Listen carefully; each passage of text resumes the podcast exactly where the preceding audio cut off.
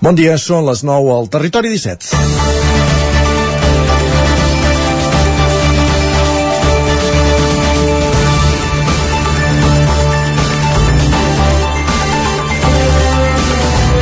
El Ripollès haurà de pujar la taxa d'escombraria si no augmenta el reciclatge. Titular que llegim avui a la portada del 9-9. De fet, el Ripollès i arreu. Si no recicla més, vol dir que més tones a l'abocador i com que el cànon de, per tona cada any és més castigat, el servei és més car i, en conseqüència, també els rebuts. Avui farem una sessió de barri sèsam. Per començar, a l'abocador, què hi va? Tot allò que llancem al rebuig Només recordar que a l'abocadorís es van invertir pràcticament 10 milions d'euros per fer una planta prèvia per fer una criba de tot el que es llançava al rebuig per evitar abocar-hi tot el que es pot reciclar i que per tant pot anar als altres contenidors, envasos, papers, vidre o orgànica. Amb el sistema tradicional de contenidors està demostrat cada any amb dades que no se supera, en alguns casos ni de bon tros, la taxa del 50% de reciclatge. Amb sistemes com el porta a porta s'arriba a mitjanes a l'entorn del 80%. Per tant, està clar, millorar el reciclatge ho associem a porta a porta o també al model de contenidors tancats que s'aplica a Centelles i es vol portar a Torelló i les Masies de Voltregà. Què passa al Ripollès? Doncs que només un dels 19 municipis, Sant Joan de les Abadesses, aplica el porta a porta. Les excuses per no implantar-lo a la resta de municipis on el més gran està a la ratlla dels 10.000 dels 10 habitants, Ripoll, i de la resta els més grans estan a l'entorn dels 3.000, Sant Joan i Can de Bànol, o Ribes, són això, excuses. Els pobles turístics es poden buscar solucions. Ho fan en indrets que trauen cada any més visitants, com Zumà i el País Basc. Per tant, si algú s'ha de posar les piles i sense demora. Després hi ha els moviments veïnals que s'hi oposen. A Cardedeu saben del que parlo. Gent desinformada que amb la seva desinformació intoxica l'entorn. Si el reciclatge està bé, no et perseguiran. I per moltes dades personals que donis, les que necessita per es necessiten normalment per tractar amb l'administració, mai donaràs tanta informació com la que regales cada dia des del telèfon mòbil. El que dèiem excuses. És divendres, 16 de setembre de 2022. Comença el Territori 17 a la sintonia de Ràdio Cardeu, la veu de Sant Joan, Ona Codinenca, Ràdio Vic, el 9 FM, el 9 TV, Twitch i YouTube. Territori 17, amb Isaac Moreno i Jordi Sunyer.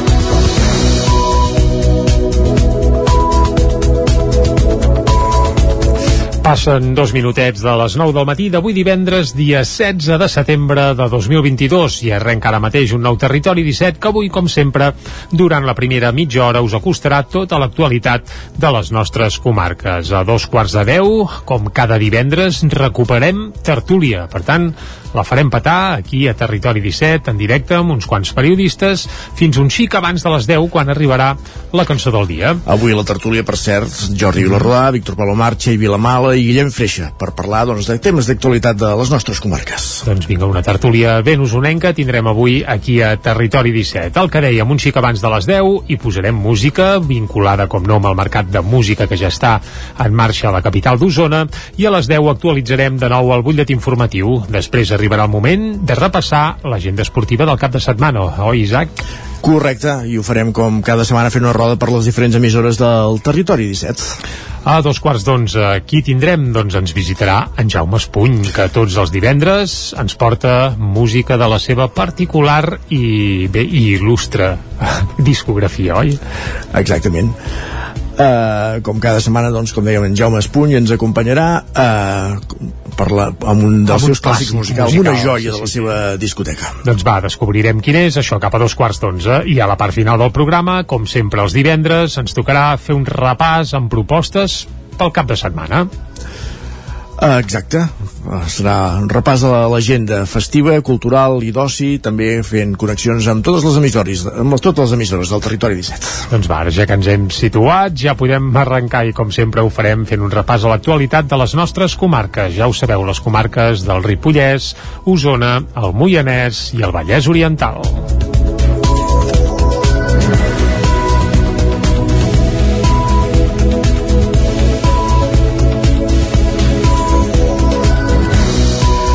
Centelles rebrà 1.800.000 euros per rehabilitar habitatge. Serà a través d'un nou programa de barris que la Generalitat finança a través dels fons Next Generation. Millorar l'accessibilitat, l'eficiència energètica, actuacions d'urbanització o millores de l'entorn.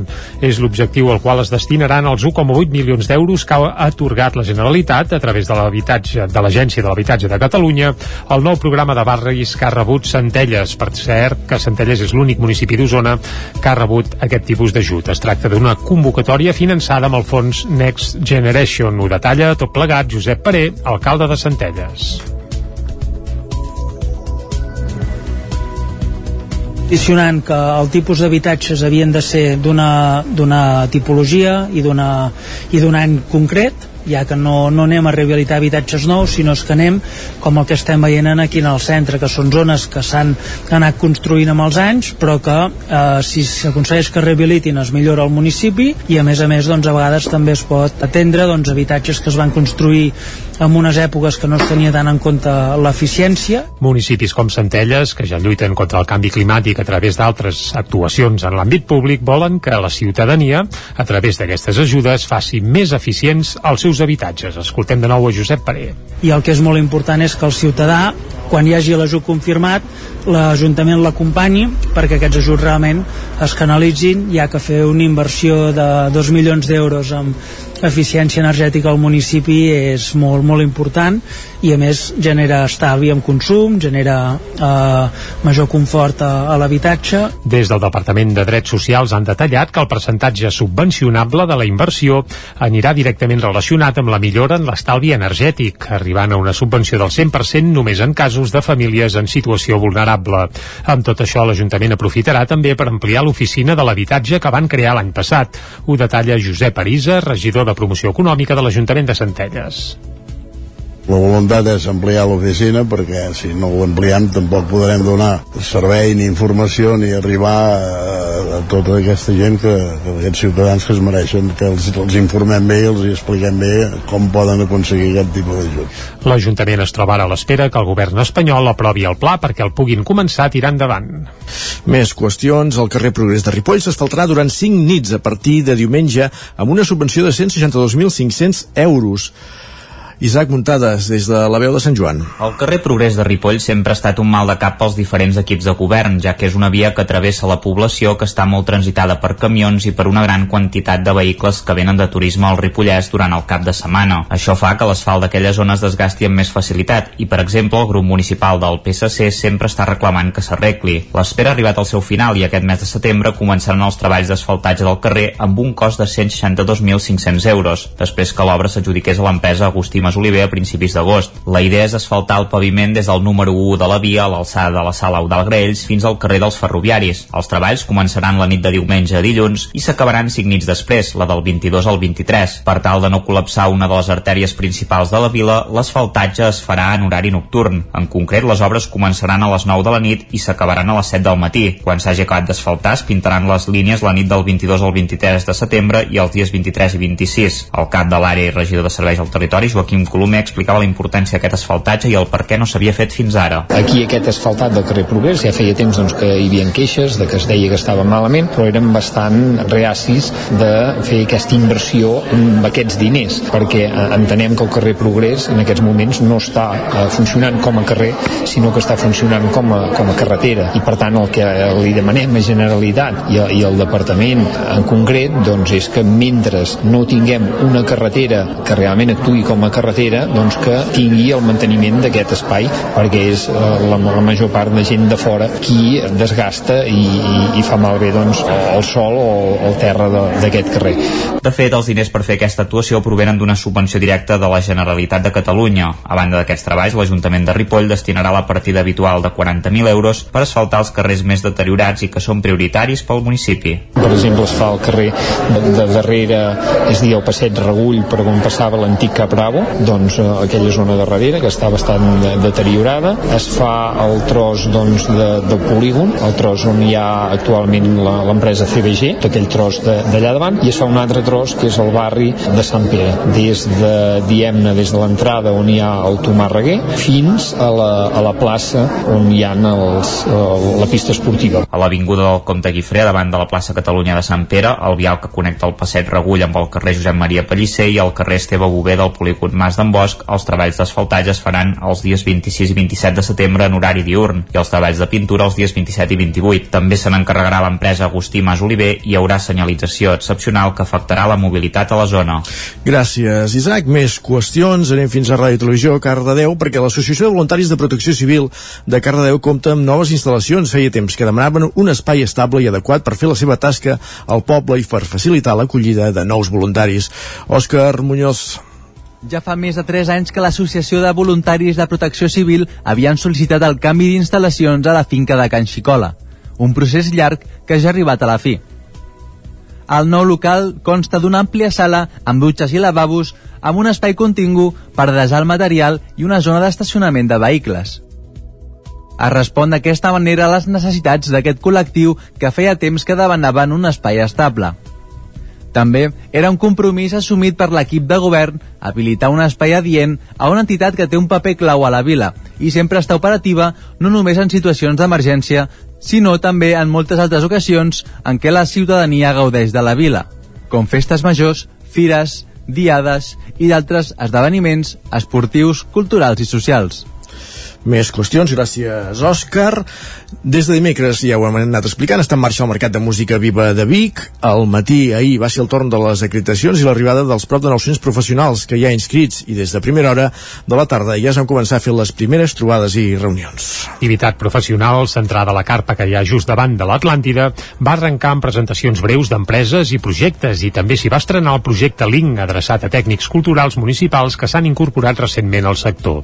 La primera impressió del alguns dels professionals que estan treballant aquests dies a Vic era més que bona. Escoltem eh, en aquest sentit en Xavier i a la Roser, dos dels professionals acreditats al mercat. Com a productora venim a comprar, comprar artistes, comprar gires noves i a veure una miqueta què es fa nou al mercat i interactuar també entre professionals que a vegades eh, per, per temes de gires no ens veiem amb tot l'any i ens veiem quan moments així. Aquí estic presentant propostes tan emergents com ja amb, amb més experiència i la veritat és que mola perquè et trobes amb gent que has parlat per mail només durant tot l'any amb concerts que has organitzat i per fi et poses cara i coneixes noves propostes i, ostres, és una finestra increïble. Ahir de l'actualitat professional en destaca la trobada que es va fer amb una delegació d'Occitània en una acció organitzada per l'Institut Català de les Empreses Culturals i l'Institut Ramon Llull. Pel que fa a concerts, ahir al vespre també es va estrenar Caminos del guitarrista Chicuelo i també van presentar el seu nou espectacle als usonencs X i Des de l'organització valoraven molt positivament l'arrencada del mercat. Escoltem el codirector artístic Oriol Roca. Hem arrencat aquest matí amb un número molt alt de professionals acreditats, a prop de 900, o potser hem arribat a 900, eh, amb dos concerts de matí, amb les sessions de presentacions ràpides, amb uns concerts de tarda també i molt contents d'aquest primer inici després de dos anys de poder fer el mercat però de maneres bastant més restringides o amb, no de manera habitual, per dir-ho d'alguna manera. Més mercat de música viva encara, encara perquè l'encarregada d'obrir oficialment la 34a edició va ser la cantautora biguetana Núria Grey i ho va fer amb un concert amb entrades esgotades des de feia dies on va presentar Cicleman, un nou disc que no es publicarà fins al gener de 2023. Abans del concert, la consellera de Cultura destacava el fet de poder recuperar el mercat ja sense restriccions després de dues edicions marcades per la pandèmia. El Mercat de Música Viva va arrencar dimecres amb un artista de casa però amb vocació universal i és que Núria Graham, després de presentar Ciclamen a Vic, Vic, ja està volant cap a Estats Units, on aquest diumenge hi començarà una gira de sis concerts. Al novembre seguirà la seva gira per tota Europa i no serà fins l'any vinent que tornarà a tocar a Catalunya. El seu nou disc, que es va poder escoltar en exclusiva al mercat, no s'editarà fins al gener i significa un punt i a part en la seva carrera. Per començar, ha canviat la instrumentació i ara l'acompanyen guitarrista, contrabaix, una arpa, un violoncel i un clarinetista que també s'atrevia amb el saxo. I Graham, fins ara sempre amb la guitarra als dits, va fer part del bolo només amb el micro i també es va atrevir amb el piano. El concert va meravellar el públic que omplia la sala gran de l'Atlàntida i va servir per donar el tret de sortida un mercat que enguany, sobretot, ve marcat pel retorn a la normalitat, ho remarcava Anna R, alcaldessa de Vic. és un d'aquells esdeveniments que fan ciutat, que n'estem molt contents i sobretot n'estem molt contents perquè aquest any podem dir que tenim un mercat de música viva de Vic doncs, al 100% en el sentit de que recuperem del tot el que és aquell mercat de música doncs, més professional, més de mercat, però també aquell mercat de música més de carrer. Després d'aquesta pandèmia que ens ha fet fer unes edicions una mica més restringides, estem contents de poder doncs, recuperar l'essència i el 100% d'aquest mercat de música. La consellera de Cultura, Natàlia Garriga, també va posar èmfasi en que aquest és el primer mercat post-Covid i va deixar clar que l'esdeveniment és estratègic pel seu departament. Escoltem a la consellera. Molt contents perquè per primera vegada normalitzem un mercat després de 3 anys, bueno, aquests dos anys darrers, l'any passat només vam poder fer la part professional i per tant la ciutat de Vic no va viure el mercat com cal, no? que és quan, com aquest any que veurem aquest mercat doncs, als carrers, a les places, que és on, quan la gent jo crec que ho viu de veritat. Però també molt, molt important per nosaltres com a mercat estratègic això, el que estem fent ara aquí al costat a la carpa, no? perquè que es trobin professionals de tants llocs i que puguem, es puguin explicar, ensenyar i vendre i alhora comprar i aquesta part que nosaltres com a Departament de Cultura i exactament com a Institut Català d'Empreses Culturals és la que fomentem per tal de valorar tot aquest sector. A part del de Graham, dimecres ja hi va haver altres concerts al mercat amb un públic format bàsicament per professionals. Ahir dijous, en canvi, ja van arribar els primers concerts oberts al públic en general. Fins dissabte n'hi ha més de mig centenar per triar i remenar. I més qüestions perquè el grup de Correfoc de Sant Feliu de Codines es prepara per una festa major plena de foc que coincideix amb una efemèride especial, el 40 aniversari de la colla, que era el campàs Ona Codinenca. El grup del Correfoc, el Follet i la Fantasma es podrà tornar a retrobar amb el públic tensant sota el foc durant la Festa Major de Sant Feliu de Codines que va començar ahir dijous. Enguany, a més, celebren el seu 40è aniversari. La Festa Major serà el primer de diversos actes que programaran durant el curs. Pol Puello és el president del grup del Correfoc. Que no només celebra, serà una celebració d'un dia, sinó que aquesta Festa Major marca com l'inici d'un any que intentarem doncs, omplir ben bé amb molts actes, recuperar alguns actes antics, crear-ne algun de nou i sobretot doncs, fer molta retrobada amb antigues persones, bueno, amb antics membres del grup i que, bueno, que ens agradarà que puguem compartir aquests moments amb ells, que al final són, nosaltres estem obtenint l'herència que ells van crear. Alguns dels actes destacats són els corretraques. Un serà la nit de dijous i donarà el tret de sortida al Correbars, seguint el recorregut habitual, i el segon serà divendres al matí, que comptarà amb un nou recorregut. Que començarem a la Font de Cangarell, de Can Garrell, perdó, eh, passarem per l'antic Rober de Càritas, anirem a buscar la Quintana i acabarem al, a la Font dels Àlbers. També un recorregut molt xulo on haurem de vigilar pels carrers estrets, eh, pilones, eh, obstacles amb la gent, vull dir, serà una, un corretraca molt intens. Tampoc hi faltaran el correfoc infantil divendres a les 8 del vespre, amb inici al carrer del Sol sobre la font dels Àlbers, passant per davant de la residència i acabant a la Quintana. El correfoc per adults serà dissabte a partir de les 9 del vespre amb les colles convidades de Ripoll i Sant Andreu. Alguna sorpresa i un final espectacular a la plaça. Gràcies, Caral. Més qüestions. Entrem a la pàgina esportiva. Esports. Tot per explicar-vos que l'Ost, el Lluçanès, estrenarà la Volta Ciclista a Catalunya amb una sortida d'etapa en l'edició del 2022. Serà la primera vegada que la prova surt d'un municipi del Lluçanès. La Volta Ciclista a Catalunya estrenarà una nova població en el seu historial amb la inclusió d'una sortida d'etapa a Olost, al Lluçanès. Serà l'any vinent en la 112a edició de la històrica cursa, després que l'organització i l'Ajuntament del municipi hagin arribat a un acord. En els propers mesos es donaran tots els detalls de la jornada i del dia que serà. Segons l'alcalde d'Olost, Josep Maria Freixenet, la sortida d'una etapa de la Volta és una gran oportunitat per Olost i Santa Creu i també per tot el Lluçanès. És, diu textualment, la constatació que els pobles rurals poden organitzar esdeveniments extraordinaris. La 112a edició de la prova es disputarà entre els dies 20 i 26 de març del 2023. No se sap per això encara quin dia aterrarà Olost. I arribats aquí, eh, farem una aturada en el relat informatiu per conèixer la previsió del temps. Tornem a una codinenca i saludem de seguida en Pep Acosta i avui amb especial atenció perquè comença el cap de setmana. Casa Terradellos us ofereix el temps. Avui, especialment interessant la informació meteorològica, s'acosta el cap de setmana, a més sembla que ahir va ser hi, algú, hi va haver alguna tempesta, avui potser n'hi ha més, però tot ens ho acosta en Pep Acosta, com sempre, va. Pep. Tempesta no, però xafa que et puc assegurar que n'hi va haver, això sí. Sí, sí, sí, sí, al vespre, sobretot, eh? Correcte. Uh, bé, el concert de la Ludwig Band, per exemple.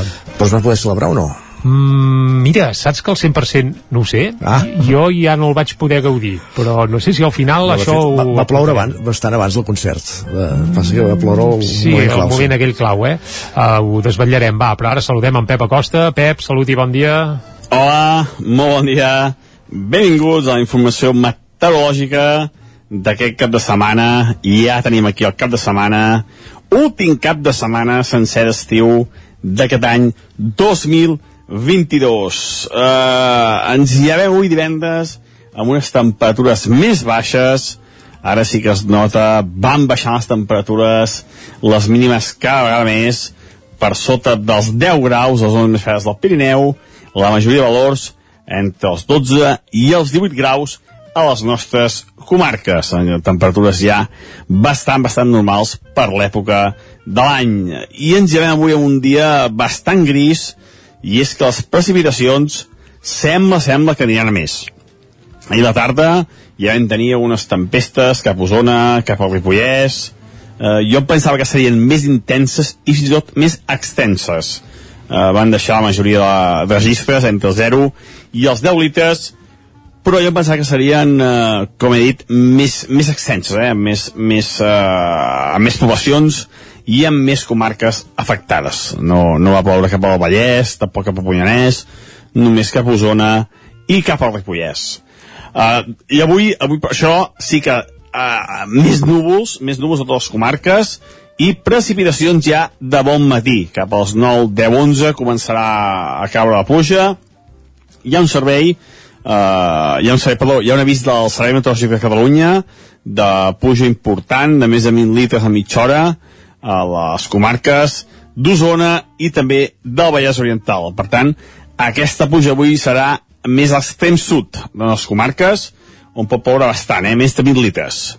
De cara a dissabte, encara al matí, una mica de pluja, a la tarda anirà desapareixent, i el diumenge eh, els núvols seran els protagonistes. Núvols, però ja sense pluja.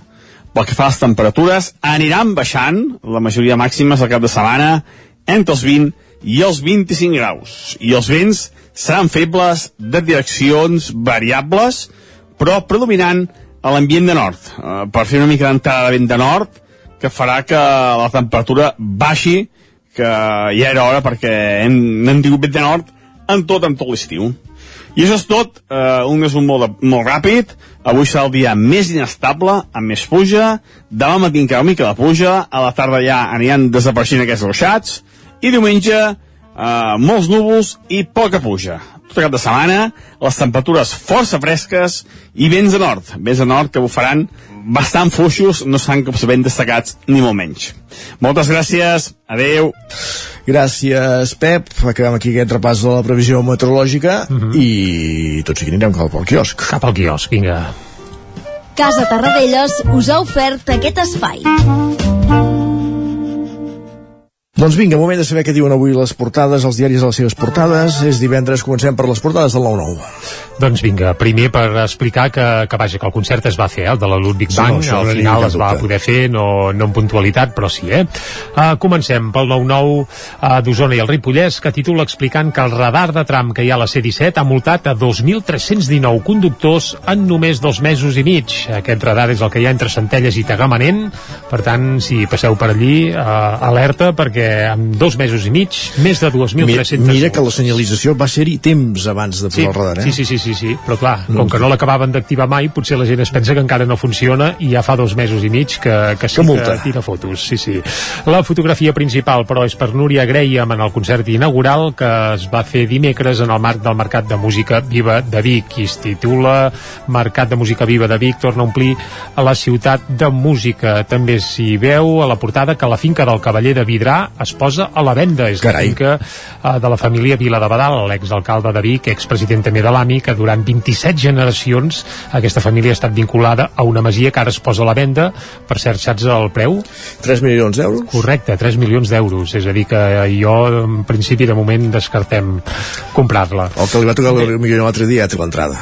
Sí, encara n'hi hauria d'afegir uns quants més, eh? Dos més encara. Sí, sí, sí, Déu-n'hi-do, déu nhi déu Va, anem cap al 9-9 del Vallès Oriental.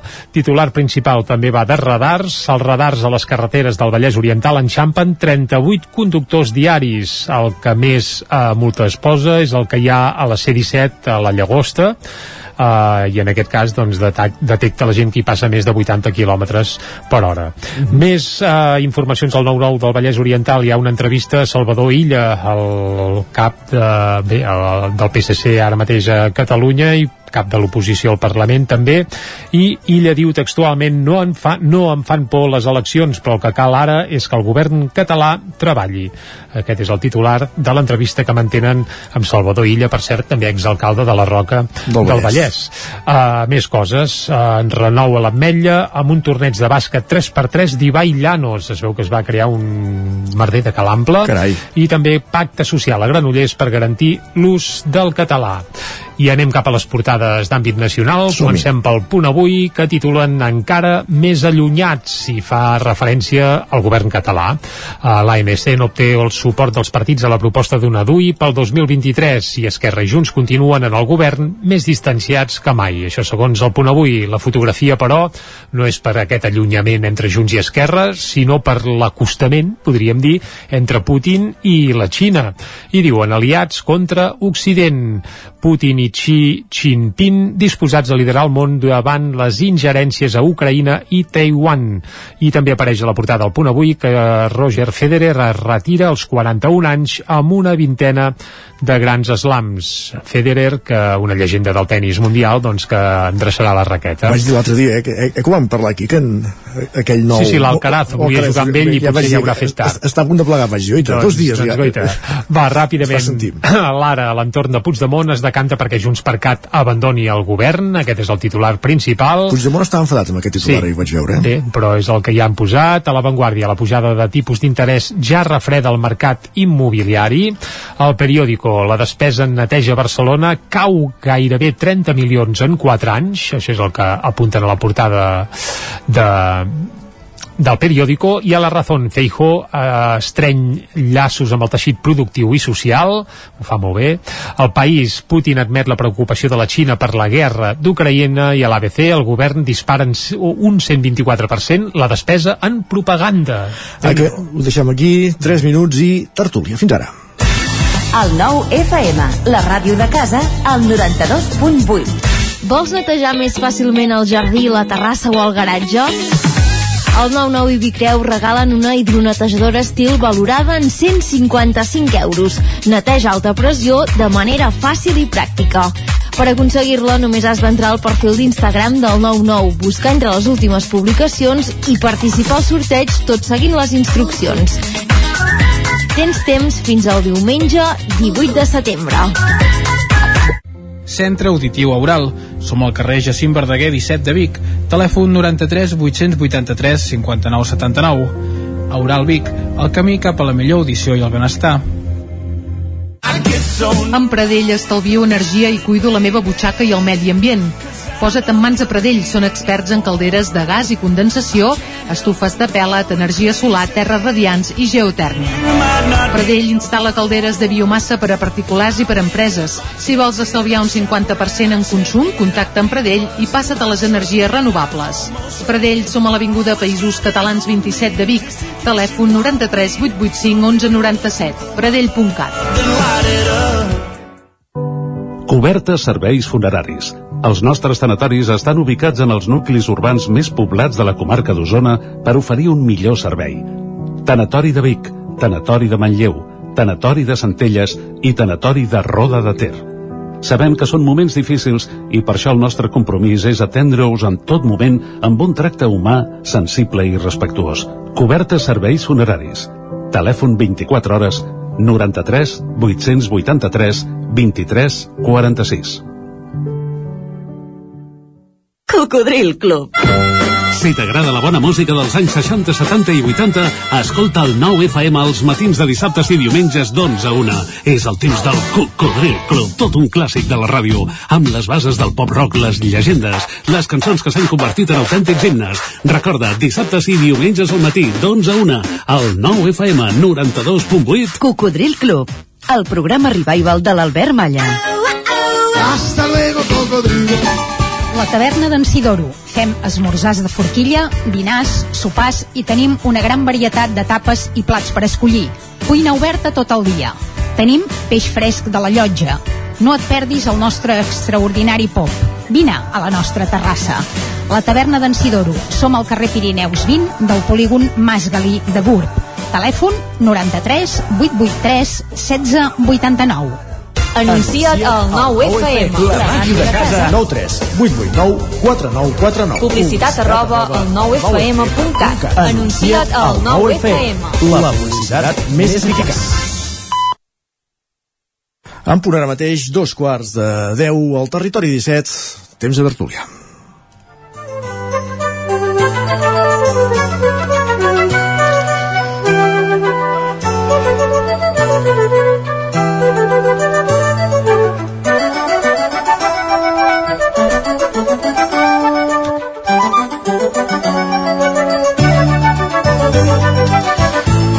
Temps de tertúlia, com us dèiem a l'inici del programa, en companyia de Jordi Vilarrodà, Víctor Palomar, Txell Vilamala i Guillem Freixa.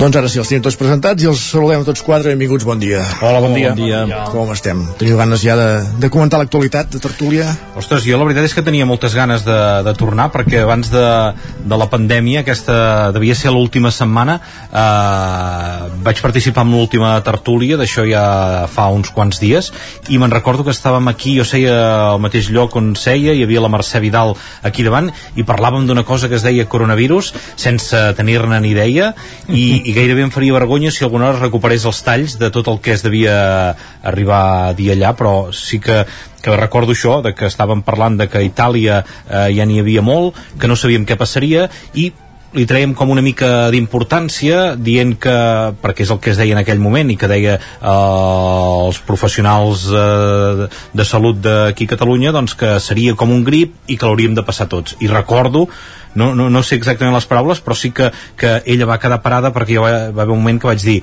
tranquil·la que el passarem tots i després estarem immunitzats i jo crec que llavors era molt frívol dir això, a la llarga ha acabat passant, però pel mig han mort molta gent, per tant eh, no parlàvem sense, sense saber, és el que passa a les tertúlies tot i que avui hi ha tertulians molt ben documentats eh? Com els quatre que tenim asseguts a l'estudi avui. Uh, ja tenim diversos temes sobre la taula, molts temes de l'actualitat de les nostres comarques. No sé per on voleu començar. Encara és, ha estat una setmana intensa des del punt de vista uh, polític, després de la manifestació de la Diada del passat diumenge, on va haver-hi aquell discurs abrandat de la presidenta de l'ANC demanant eleccions o, o, o independència i el que hi també és una cimera molt tensa entre els dos partits de, de govern dimecres a la tarda de Pedralbes, no sé com, com veieu la situació tot plegat. Eh, el govern té possibilitats de trencar-se, de no arribar a bon port tenint en compte que ja portem un cúmul d'antecedents amb aquest govern de diferències eh, des del primer dia. Bueno, de fet, des d'abans de començar perquè de nhi el que va costar fer la investidura no?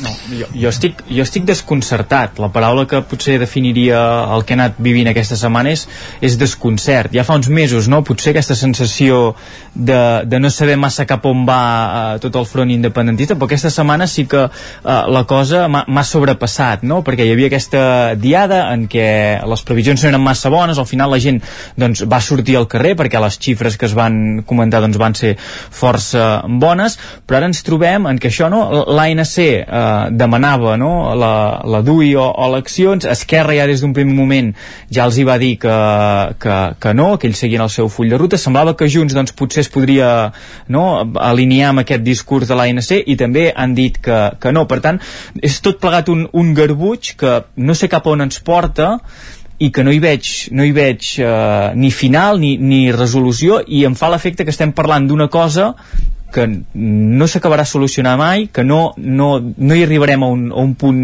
final i que jo crec que hauríem de començar no sé si a passar pàgina o afrontar-ho des d'un altre punt de vista.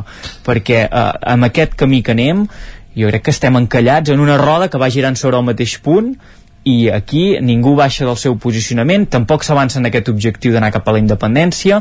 Ja s'ha vist que assolir la independència tindrà un cost eh, molt elevat, perquè si es vol fer de la manera a través d'una taula de diàleg, que pacta amb l'Estat, ja s'ha vist que no hi ha interlocutor. Si es vol fer a través de la DUI, ja hem vist com va la repressió de l'estat eh, espanyol i jo crec que hem de tenir clar que estem davant d'un estat espanyol que encara impera no, aquesta cultura de, de vencedores i vencidos mm, que jo crec que a nivell de negociació serà molt complicat arribar a, a res. I el que dèiem, eh, que la repressió en cas que es volgués fer una DUI seria molt, molt elevada, per tant jo estic desconcertat i no sé què uneix en aquest govern ara mateix, perquè eh, hi ha hagut eh, diferències a nivell ideològic a nivell de, de com s'afronten diverses temàtiques del, del dia a dia i diguem, el, el tema polític que els unia, que era eh, fer la independència, el tema sobiranista, doncs està veient que tampoc els uneix. Per tant, jo amb aquest govern no, no, és que no, no, no veig què, què els enganxa. Està bé això que dius, Guillem, però també podríem anar encara més a l'origen, o sigui, què uneix els dos socis de govern, però també quines esquerdes que hi han dins mateix, per exemple, de Junts, no? Perquè eh, avui sentíem que hi ha alguns consellers partidaris de poder continuar el govern i esgotar la legislatura, alguns que serien potser més de l'òrbita de l'expresident Carles Puigdemont partidaris de trencar i sortir, per tant, mm, encara fa falta fer-hi una volta més eh, i anar a aquest origen, no? que no només és un matrimoni forçat, si em permeteu dir-ho així, entre Esquerra i Junts, sinó que dins mateix de Junts hi ha fortes discrepàncies i segurament això entronca molt amb el moment d'irrupció del procés, no? que va fer que sortissin aquests moviments més aviat eh, transversals amb la repetició de grans consignes, això, a favor del referèndum, llavors contra la repressió, l'alliberament dels presos, però que quan es demostra que toca governar i que toca parlar, no sé, de política econòmica, eh, de de quines prioritats hi ha en habitatge, de què cal fer contra el canvi climàtic o de quina opinió tenim sobre les escoles concertades, ens trobem que el bloc, per exemple, aquest de Junts, tampoc és homogeni i que potser sí que s'entenien amb la repetició d'aquestes grans consignes, però que llavors falta un discurs ideològic eh, segurament de fons que lligui primer el partit i que el pugui relligar llavors amb, amb aquests socis d'Esquerra que, que, com bé deies, també déu nhi forçat eh, que és aquest matrimoni. Aquí hi ha, hi ha diverses qüestions, però hi ha aquesta que, que comentàvem ara de les desavinences dels partits, que és una cosa que ja s'arrossega des del principi, que eh, a veure, ideològicament s'entén que hi siguin, perquè tots els governs de coalició hi són, perquè si no mirem què està passant a Madrid, o sigui, com si el PSOE i Podemos se vinguessin. Tenen unes crisis espectaculars, també. Eh, però després, eh, és això, l'amalgama semblava que havia de ser, doncs, aquesta, no?, eh, avançar en aquest procés. Eh, eh, i, i això enxampa eh, a veure, tota aquesta situació enxampa a, a Junts en un moment de forma, és un partit en construcció encara. I, i per tant la, costa trobar-hi unes posicions unitàries eh, i, i aquestes discrepàncies, com vèiem, del el conseller Alzina, el conseller Giró, que són partidaris de continuar el govern, altres sectors del partit que serien més partidaris de trencar, que podrien ser els de la Laura Borràs, per entendre'ns, perquè és un partit que s'està formant en aquests moments i que, i que aquí ara intenta mantenir els equilibris entre les, totes les parts és, és en Jordi Turull, que deu tenir uns mal de caps molt grans aquests dies. Però, però llavors, això, que és una cosa que ja, ja arrossegàvem, diguem, que ja, ja ve des del principi de la legislatura eh, i, i afegim aquesta setmana doncs, el, la proposta de l'Assemblea que que a veure, que entra dintre la lògica segurament del que podem pensar que l'Assemblea demani però hi ha un problema de formes també en, en, en la manera com, com salta tota la seva proposta. És a dir, el discurs mm, d'acord, però després a més a més, el que acaba de desconcertar els altres actors és la reunió que hi ha el dimarts eh, a la Generalitat en què hi ha presents les altres entitats sobiranistes que són l'Òmnium i l'Assemblea de Municipis, l'Associació de Municipis per la Independència, l'AMI, i, i l'Assemblea deixa anar la proposta sense haver-la consultat els, els altres de les... Eh, no ja diguem el, el, a veure, és lògic que no li diguin primer al president de la Generalitat se'n van allà amb una proposta i diuen, miri, escolti, aquesta és la nostra proposta però és que no ho consulten amb les altres entitats que això és el que és més sorprenent també, no? O sigui, el president, el president d'Òmnium, en Xavier Antic, s'assabenta de, de, del que proposarà l'ANC pujant les escales cap a la reunió.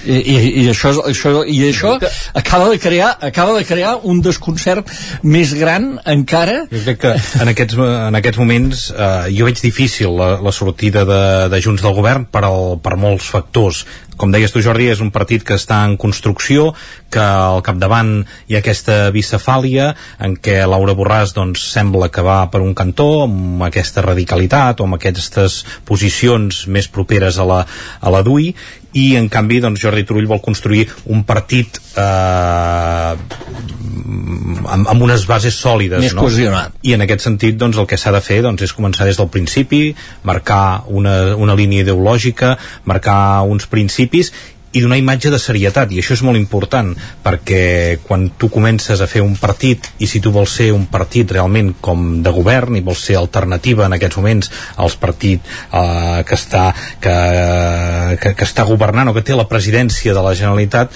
doncs has de donar una imatge de, de partit seriós. En aquest moment sortir del govern jo crec que els costos serien molt molt elevats per un partit com Junts que no està cohesionat i que per tant doncs, el que provocaria podria provocar eh, fàcilment doncs, és una trencadissa i una fugida també doncs, de diverses persones de, de Junts que no compartirien doncs, aquestes posicions que en aquests moments en què hi ha una crisi econòmica eh, que hi ha un context internacional eh, advers i que això tindrà efectes en l'economia domèstica, en l'economia catalana avui dia provocar una crisi com aquesta jo no la veig. A més a més també hem de tenir que en l'horitzó hi ha d'aquí pocs mesos unes eleccions Les municipals, eleccions municipals. on aquí Junts té molta força o és realment on té la força Junts i tots aquests eh, càrrecs electes eh, no sé si els interessa en aquests moments doncs, donar una imatge doncs, de poca responsabilitat que seria com aquesta trencar amb un govern.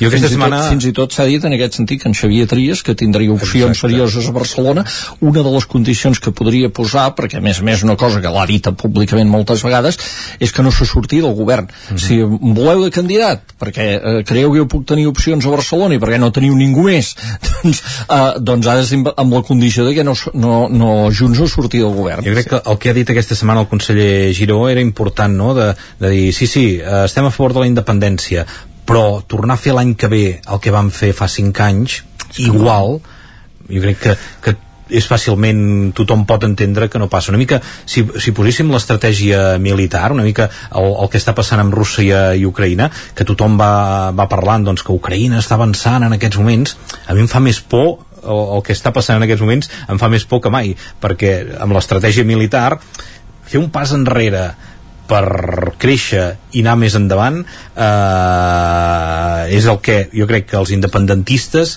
eh, haurien de pensar en aquests moments. I posant amb la guerra d'Ucraïna que, no ve, que no ve el cas és el que jo em temo que en aquests moments doncs, Putin està fent no? de, de fer un pas enrere per fer-se més fort, reorganitzar-se i anar endavant. Els símils eh, bèl·lics eh, no sé si sempre són útils en política no, però... I, I aquesta idea que deixaves anar de, de, de no sortir del govern, que tindria un cost molt elevat per, per Junts, amb les eleccions municipals a l'horitzó, és que això també, eh, analitzat fredament, eh, és, és, és, és dur i és, és complicat explicar això, eh? perquè, és clar si vol dir que estarem en aquesta situació d'estira i arronsa, d'aquest clima, diguem, tens entre els socis de govern, aguantant eh, aquest govern perquè hi ha unes municipals, perquè Junts encara no està organitzat, perquè Esquerra doncs, té la presidència, segurament també ara li interessa no? estar al, al capdavant, això vol dir que estarem així com a mínim fins després de les eleccions municipals, o sigui, ens posem l'horitzó eh, al mes de juny, ja sabem què passa al juny, que ja veiem l'estiu allà mateix, i juliol i agost, vol dir que estarem un any amb un govern que diguem està amb aquestes uh, pugnes uh, fratricides uh, a dins de, de, de, bueno, dels mateixos socis de govern i això té repercussions en, en la ciutadania i, i, per més, tant, i més d'un any estarem el president bueno, de la Generalitat mínim, com a mínim que no oblidem estarem, que és qui té l'únic poder de convocar unes eleccions sí, sí. a dir que no pensa convocar-les i que el seu horitzó és principis de 2025 i acabar la legislatura ah. i no oblidem que, que, qui signa el decret de convocatòria d'unes eleccions? És ell, que a vegades sembla fins i tot que alguna de les, de les entitats també oblida això.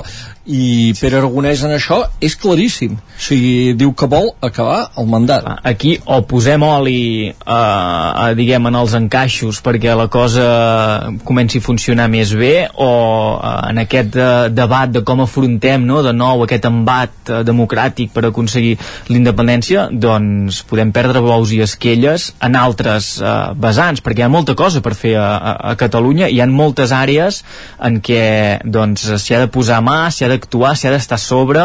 Mm, per tant a mi això també em, em preocupa i m'angoixa una mica. Ara, ara jo volia afegir una cosa que hem posat el focus amb Junts però també està passant una cosa que és que Esquerra comença a ser conscient que la taula de diàleg el resultat és zero i serà 0,5 com a molt, però no serà, no serà gaire. Ets optimista. I, i, que, I això ho va dir la Marta Rovira també, eh? O sigui, són conscients de que el rellotge corre i com que eh, no hi ha interlocució a Madrid i tot plegat doncs eh, eh, això els està pressionant amb ells i els passarà factura si no hi ha resultats que, que, que no és previsible que n'hi hagi i, i i, i per tant doncs eh, en, en això mm, en això saben que tenen un punt de feblesa que és que no s'està aconseguint res. I, i, que, i que en cas que s'aconsegueixi o sigui, a veure, no es tracta d'aconseguir allà a la taula de diàleg el traspàs de no sé què d'altura de l'home, que això, el tal, que això existia, hi ha una comissió bilateral per negociar aquestes coses. Eh, la, la, la taula de diàleg era per negociar el conflicte de fons, no per negociar el traspàs d'altura de l'home. Eh, i, I per tant Esquerra també és conscient que el rellotge li, li corre en contra en aquest sentit.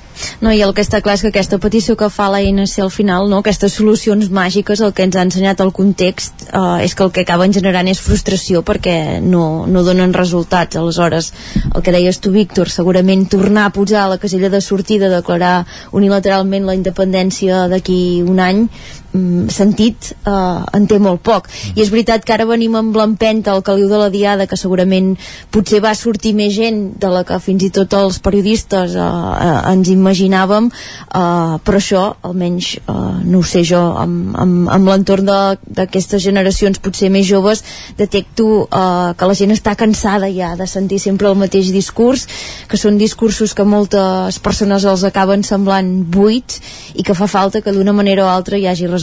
Per tant, tornar a la mateixa casella de sortida, sigui com sigui, com bé deies tu, Guillem, segur que bo no, no, no podrà ser si l'objectiu és repetir el mateix procés que ja hem viscut. Que no vol dir que aquesta gent jove, eh, eh, per cert, no, no hi sigui. El que passa que el, els joves tenen, tenen molt clar, això és una qüestió pràctica de dir, escolta, quan aneu, quan aneu en sèrio, ja hi ja serem, vindrem. ja, ja vindrem ja hi, ja, vam, hi... ser, ja hi vam ser.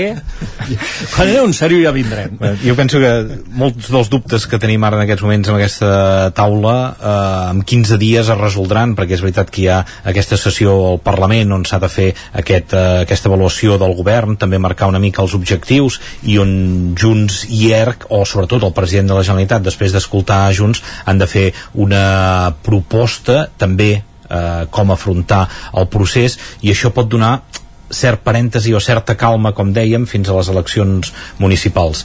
El que jo no veig eh, és eh, Junts aguantant la pressió que hi pot haver de depèn què passi, depèn què es digui amb aquest debat de política general o amb aquest eh, debat que hi haurà al Parlament d'aquí menys de 15 dies eh, perquè de soroll n'hi ha molt perquè l'ANC, com va demostrar amb Dolors Feliu al capdavant eh, va molt fort perquè les xarxes socials, perquè dins de Junts ja hi ha soroll i per tant doncs, eh, bé, ja no només Laura Borràs sinó també Puigdemont aquests últims dies doncs, doncs s'ha posicionat i, i l'artefacte que, que hi pot haver ha de ser molt dur. I per als consellers que estan a govern doncs aguantar això també també serà molt dur. Per això es plantejava aquest possible relleu de consellers que hi podria haver en el govern i posar-hi eh, consellers eh, més partidaris doncs, d'aquesta doncs, línia eh, més dura o d'anar més enllà amb el tema del procés eh, d'independència i s'haurà de veure aviam aquesta, aquesta pressió però jo crec que en 15 dies s'ha de poder resoldre una mica aquesta posició i veure si realment hi ha aquest, eh, aquesta calma o aquesta eh, calma latent o aquesta falsa calma no, que ens aguanti fins a aquestes eleccions municipals que interessa jo crec a, a tothom no, que no hi hagi molt soroll. A més a més, ara que parlaves de consellers jo crec que els dos que es posicionen per quedar en el govern són segurament dos dels consellers que tenim la percepció d'una millor gestió. De, de ser dos consellers ben valorats per la seva gestió de tot el govern, no només de Junts, de tot el govern. Uh, Giró i, i el conseller Alzina que a més a més tenia una conselleria que no és de les de molt lluïment i que està marcant un perfil clar i, i que i, i el conseller Giró que, que a més a més és d'aquests que transmet una solvència quan parla de les, quan, quan parla i sap comunicar a més a més perquè ve d'aquest món a més a més. I, i, i són els dos que s'han posicionat més clarament per, per continuar en el govern. Bueno, estabilitat ja ens fa falta també que n'hi hagi perquè portant el debat a l'òptica local recordem que hi ha temes pendents de resoldre precisament amb la Generalitat. Un d'estrella és el finançament del Consorci Hospitalari de Vic però segur que entre tots els que som aquí en podríem citar d'altres altres, per tant, que hi hagi Isaac. No, no, deia alguns, n'hi ha. Sí, sí. No, anava a dir, m'agradaria uh, portar altres temes uh, a la tertúlia. Uh, avui al 9-9 ens sorprenia amb aquestes dades de, del radar de tram de, de la C-17 a, Sant Martí de Centelles, anava a dir, ara en sortia Figaró, Tagamanent, però de fet tot el tram sí que sí, entre Centelles i Tagamanent. Exacte. Uh, Déu-n'hi-do, abans ho comentàvem amb en Jordi, el fet que 2.319 conductors en només dos mesos i mig, tenint en compte que la senyalització va ser molt temps abans que es comencés a sancionar, que semblava que la gent ja frenava quan estava senyalitzat encara, i encara no funcionava el tram, però la que s'ha posat en marxa, déu nhi eh? Jo, jo faré una cosa que no s'hauria de fer, però en, en aquests moments jo puc explicar que no m'han posat mai cap multa per excés de velocitat. Això és molt arriscat perquè, perquè, perquè algun dia s'acabarà aquesta, aquesta sort. De reconèixer que faig bastant aquest tram i que fer tot el tram a 80 és molt, molt, molt difícil, eh? Sí. Perquè si no estàs pendent de, de la velocitat amb, amb què vas, mm, hi ha trams doncs, que sí, que pots sí. fer 80, però menys de 80 i per tant compensar si algun, en algun moment t'has posat a, a 90, sí. has d'anar parat. I, I les hores en què ho fas, no? A vegades també, que si ho fas a la nit, que no hi tens cap cotxe al costat... Eh... Sí, sí, és, eh, has d'estar pendent, a part de, de, de portar el volant i de seguir la carretera has d'estar pendent de la velocitat amb què vas i anar frenant.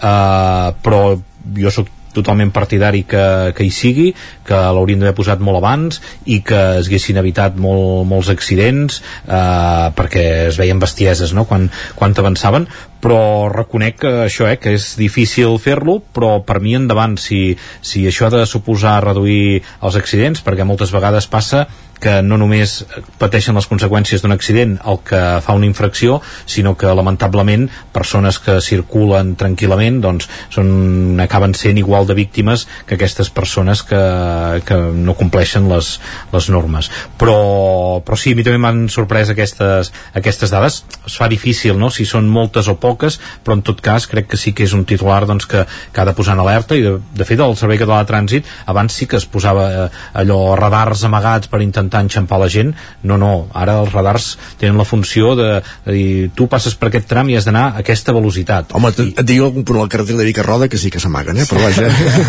Però la majoria de, de punts és obert eh, al lloc on són i crec que per mi és la funció que han, que han de fer i haurien de fer que hi fossin perquè no es pogués córrer més del que d'això. Anar a enxampar infractors eh, sí, que, el, que els enxampin però per mi les multes no haurien de ser el més important, sinó que realment no hi hagués excessos de velocitat i hi hagués seguretat a les carreteres. Sí, jo, jo te pujo l'aposta que has fet de cap Ai, multa. ai. A mi no m'han posat mai... Bueno, sí, em van posar una multa a Villanueva del Fresno, que és un poble d'Extremadura. I et va arribar? No, el problema és que el meu cotxe estava a Girona. Va ser una, una errada.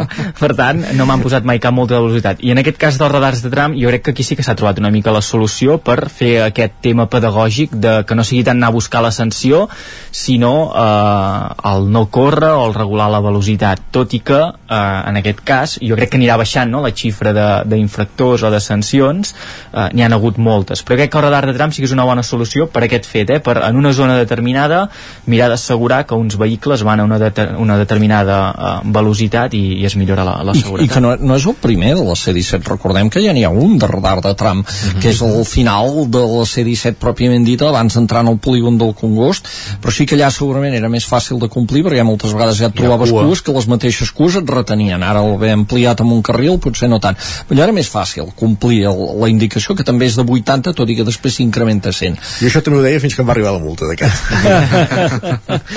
Vaig, que llarg volem saber quantes multes perdó, jo, de perdó, velocitat. posats a fer confessions servidor, eh? servidor sí que té moltes de velocitat fins i tot, podria dir que no, no moltes però de tant en tant mancava alguna fins i tot podria dir que una vegada vaig tenir dues multes en un mateix dia, una baixant a Barcelona i l'altra pujant Ostres, això- això té premi, eh, eh? això té premi això, això té premi Ja, jo us he de confessar que era verge de multes de trànsit fins fa una setmana, Ostres. justament, i Víctor em va enganxar uh, un radar d'aquests mòbils. Aquests uh, sorpresa. A la recta de la C-17 a Malla, més o menys a, eh, a l'altura de l'esclat.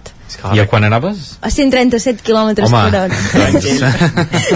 Fittipaldi Txell.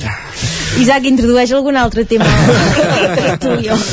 No, r- molt ràpidament m'agradaria parlar ja de mercat de música veia dit dels, eh, de, de la recuperació en tots els seus efectes, perquè ha tornat al mercat eh, en plena normalitat i això vol dir també pluja. Perdó, un incís. Quants diners són això, Txell? Això són, en el meu cas, eh, que em passava de més de 30 km per hora, dos fantàstics punts, els primers punts que em Yeah. treuen, i una multa de 300 euros, 150 si la pagues. Ostres, De manera- aquestes ja, aquestes ja Sí, fan ja. mal, eh? És- Sí, sí. sí, sí, sí. Jo me'n recordo, ara parlant de multes, eh? Ara parlem del mercat de música viva. Bueno, eh, no gaire temps, Jo me'n recordo quan el local del nou era allà a la plaça Francesc Macià, que no hi havia aparcament, i els dissabtes a la tarda anava a treballar i deixava el cotxe doncs, a sobre la vorera. Això eh, ara és una bestiesa, però abans es podia fer fins i tot en llocs així com la plaça Francesc Macià.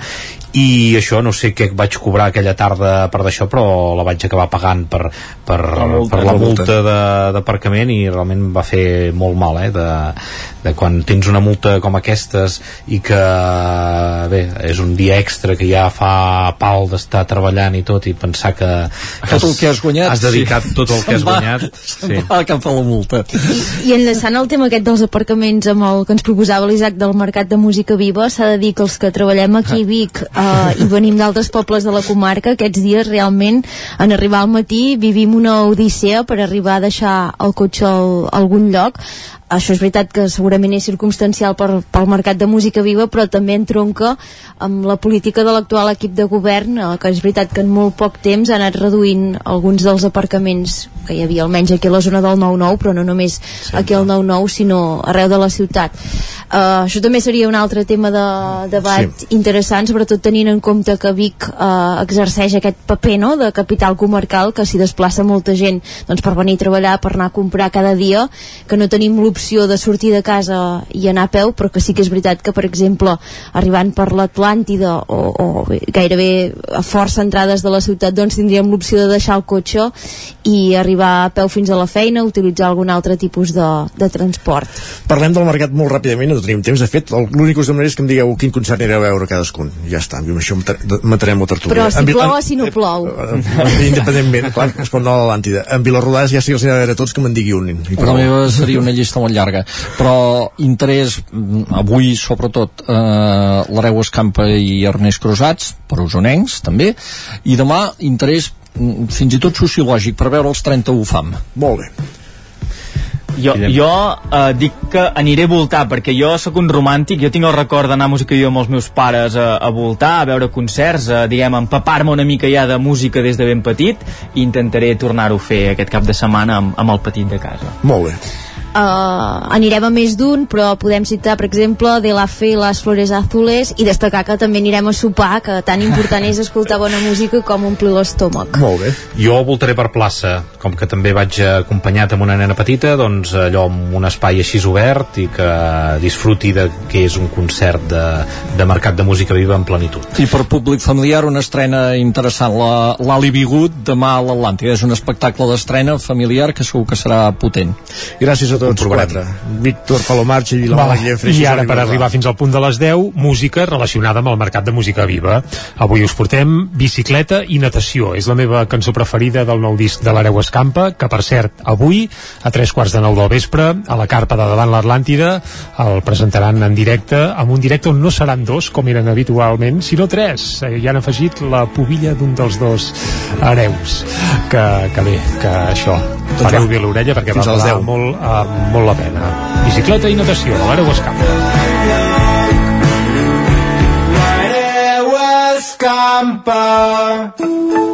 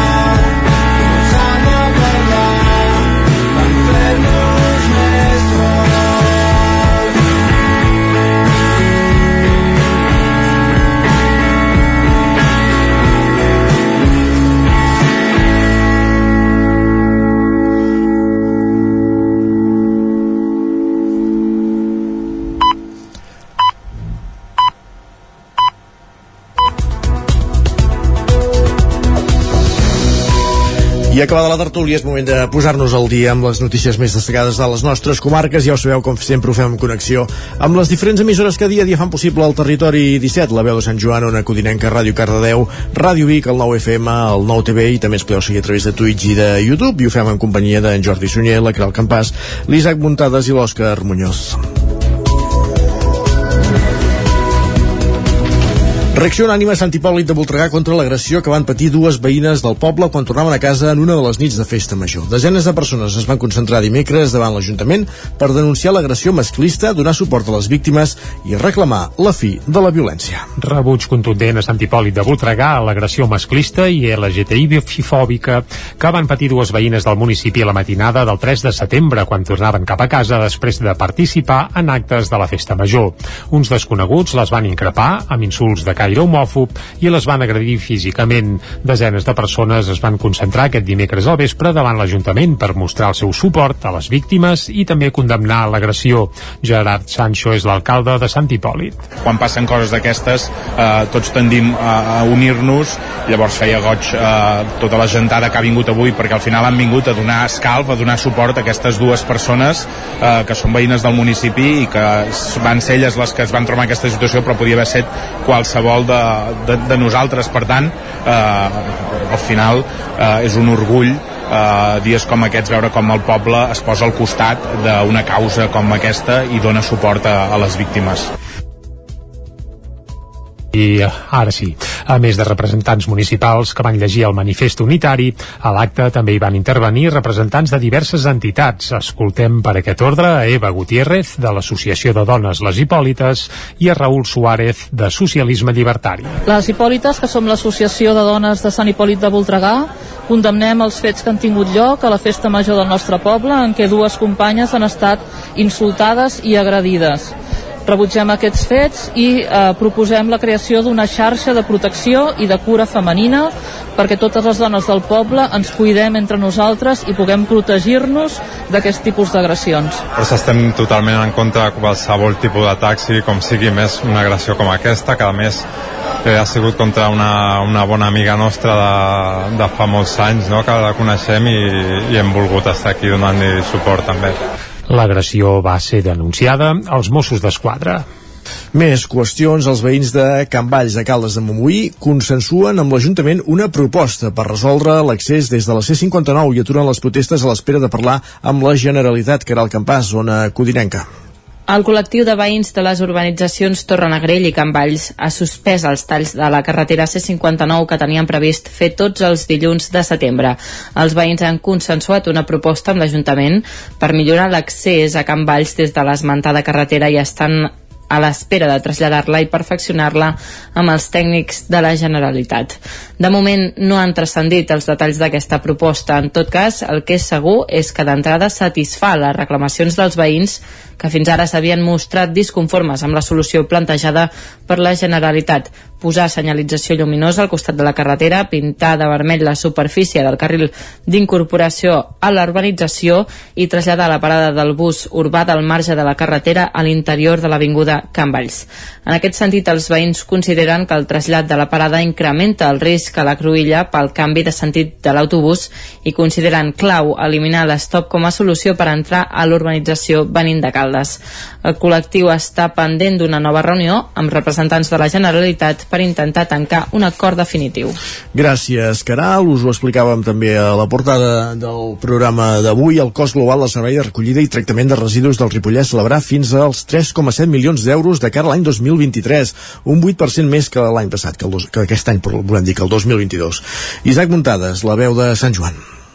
Els costos i el tractament dels residus, que es van aprovar per unanimitat dels set alcaldes presents, va ser el punt més destacat de l'ordre del dia del ple del Consell d'Alcaldes i Alcaldesses que es va fer aquest passat dimarts al Casal de Cultura de Ribes de Freser. En la seva intervenció, la cap de l'àrea de Territori i Sostenibilitat de l'ENS comarcal, Elisabet Muntades, va ser molt clara a l'hora de desglossar les xifres i força taxativa amb què cal millorar. Van passant els anys i la selectiva es manté igual. Per més que la gent digui que sí, que augmenta, que recicla... O sigui, nosaltres mirem-lo d'aquí, que s'augmenta l'orgànica, si veieu de 2020, una miqueta, però misèria. En comparança de dir el rebuig també es manté, ha disminuït una mica, però molt poc. Hauríem de fer accions i actuacions per tal de que la gent faci selectiva. Bé, sigui també ficant una taxa. Aviam, ja sé, hem de fer campanyes, però veiem que campanyes fa molts anys que n'estem fent. Estem anant a tothom a visitar i la gent no acaba fent selectiva. Doncs hem de dir, em sap greu, però de, podem de fer una taxa que diguéssim a la gent que ho fa bé, premiar-los i els que ho fan malament castigar-los. Bueno, castigar-los, dir, aviam, com amb el tema de la velocitat, eh, que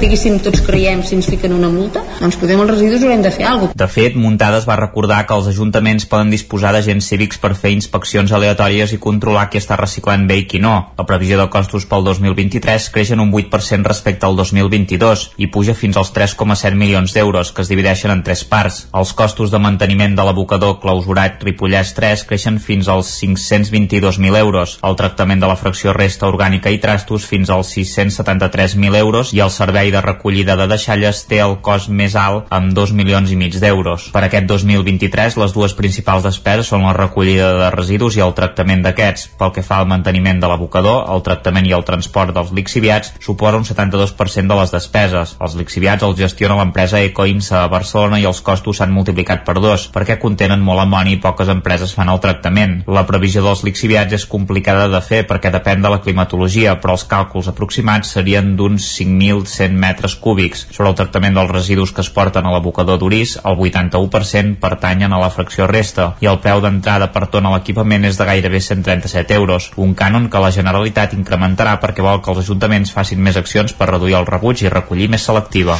Gràcies, Isaac. El Centre Tecnològic Beta de la Universitat de Vic ha fet d'anfitrió de la cinquena edició de la jornada Water Talks que es va fer ahir a Vic i està centrada, estava centrada en la gestió de l'aigua en el sector agroalimentari.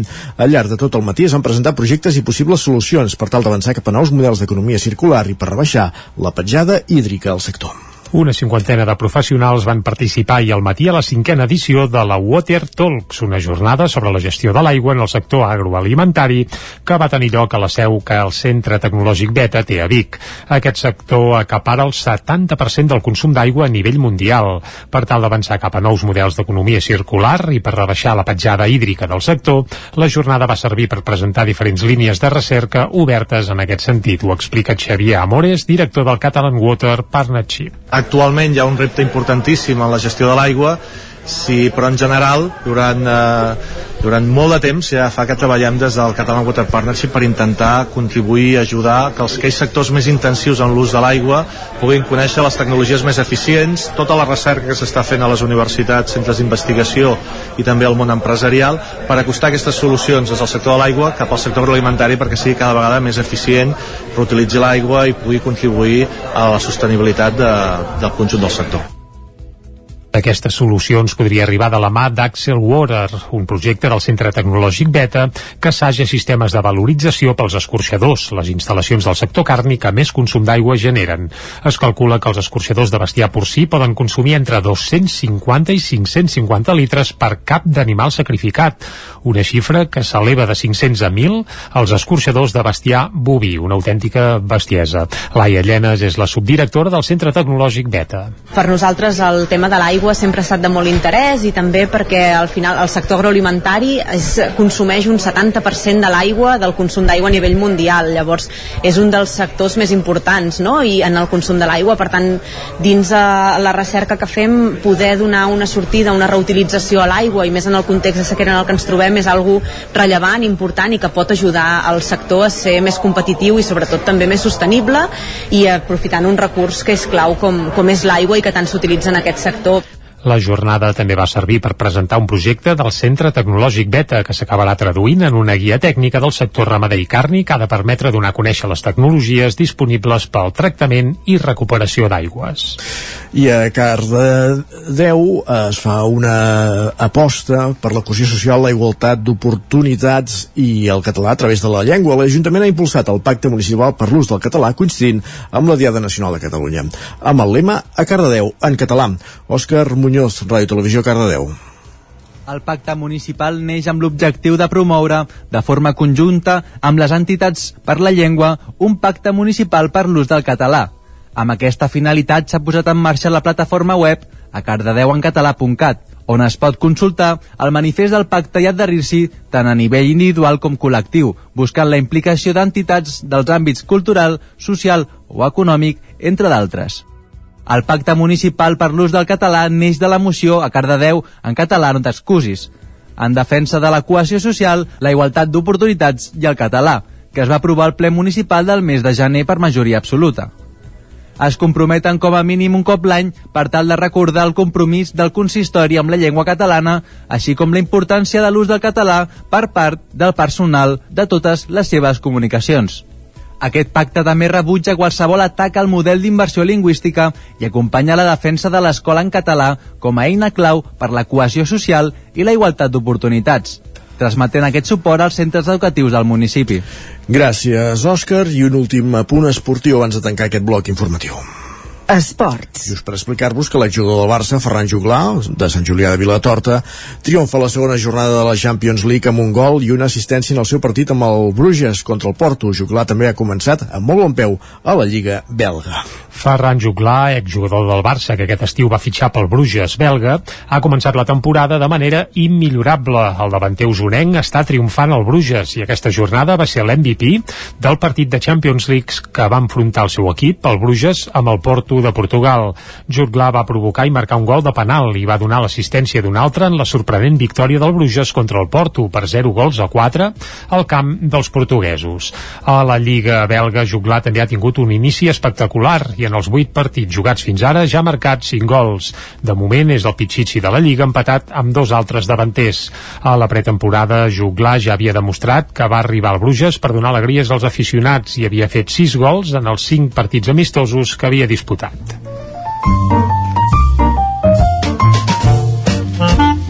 Casa Terradellos us ofereix el temps. I moment d'acabar aquest bloc informatiu amb la previsió meteorològica, com sempre en companyia d'en Pep Acosta.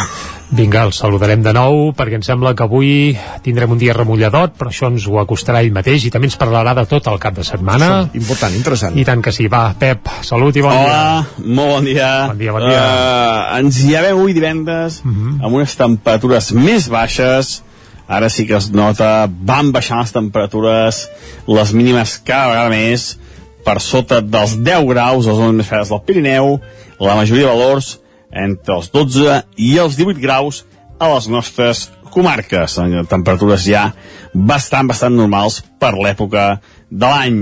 I ens llevem avui en un dia bastant gris, i és que les precipitacions sembla, sembla que aniran a més. A la tarda ja vam tenir unes tempestes cap a Osona, cap al Ripollès, eh, jo pensava que serien més intenses i fins i tot més extenses. Eh, van deixar la majoria de, de registres entre el 0 i els 10 litres, eh, i avui, avui per això sí que eh, més núvols, més núvols a totes les comarques, i precipitacions ja de bon matí, cap als 9, 10, 11 començarà a caure la pluja, hi ha un servei uh, hi ha un servei, perdó, hi ha un avís del Servei Meteorològic de Catalunya de pluja important, de més de 1.000 litres a mitja hora a les comarques d'Osona i també del Vallès Oriental. Per tant, aquesta pluja avui serà més l'extrem sud de les comarques, on pot ploure bastant, eh? més de 20 litres. De cara a dissabte, encara al matí, una mica de pluja, a la tarda anirà desapareixent, i el diumenge eh, els núvols seran els protagonistes. Núvols, però ja sense pluja.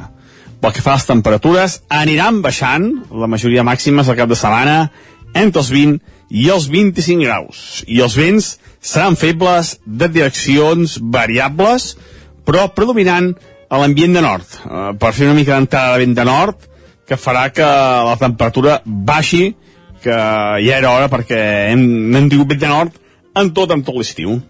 I això és tot, eh, un resum molt, molt ràpid.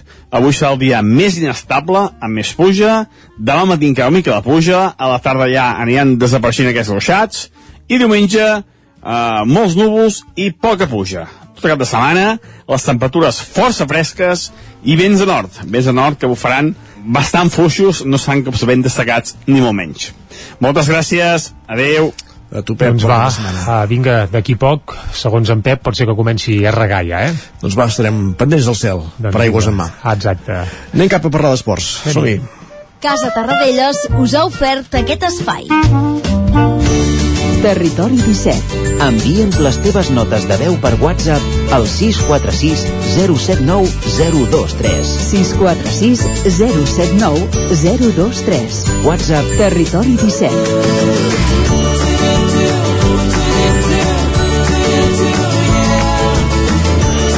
Territori 17. Som a Facebook, Twitter i Instagram amb l'usuari Territori 17.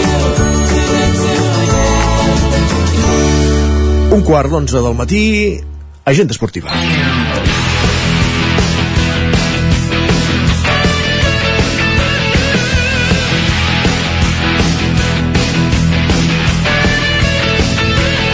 Agenda esportiva com cada divendres per saber quin cap de setmana ens depara esportivament parlant a les nostres comarques i ho fem um, recorrent les diferents emissores del territori 17, un recorregut que comencem als estudis de Ràdio Televisió Cardedeu, allà ens espera l'Òscar Muñoz. Bon dia, Òscar.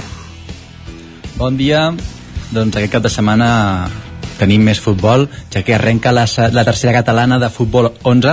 Uh -huh. comencem amb l'equip filial de Cardedeu, que comença la Lliga a casa contra la Torreta demà dissabte a les 6 de la tarda. A la mateixa Lliga, el juga fora al camp de l'Atlètic del Vallès a un quart de 6 de la tarda.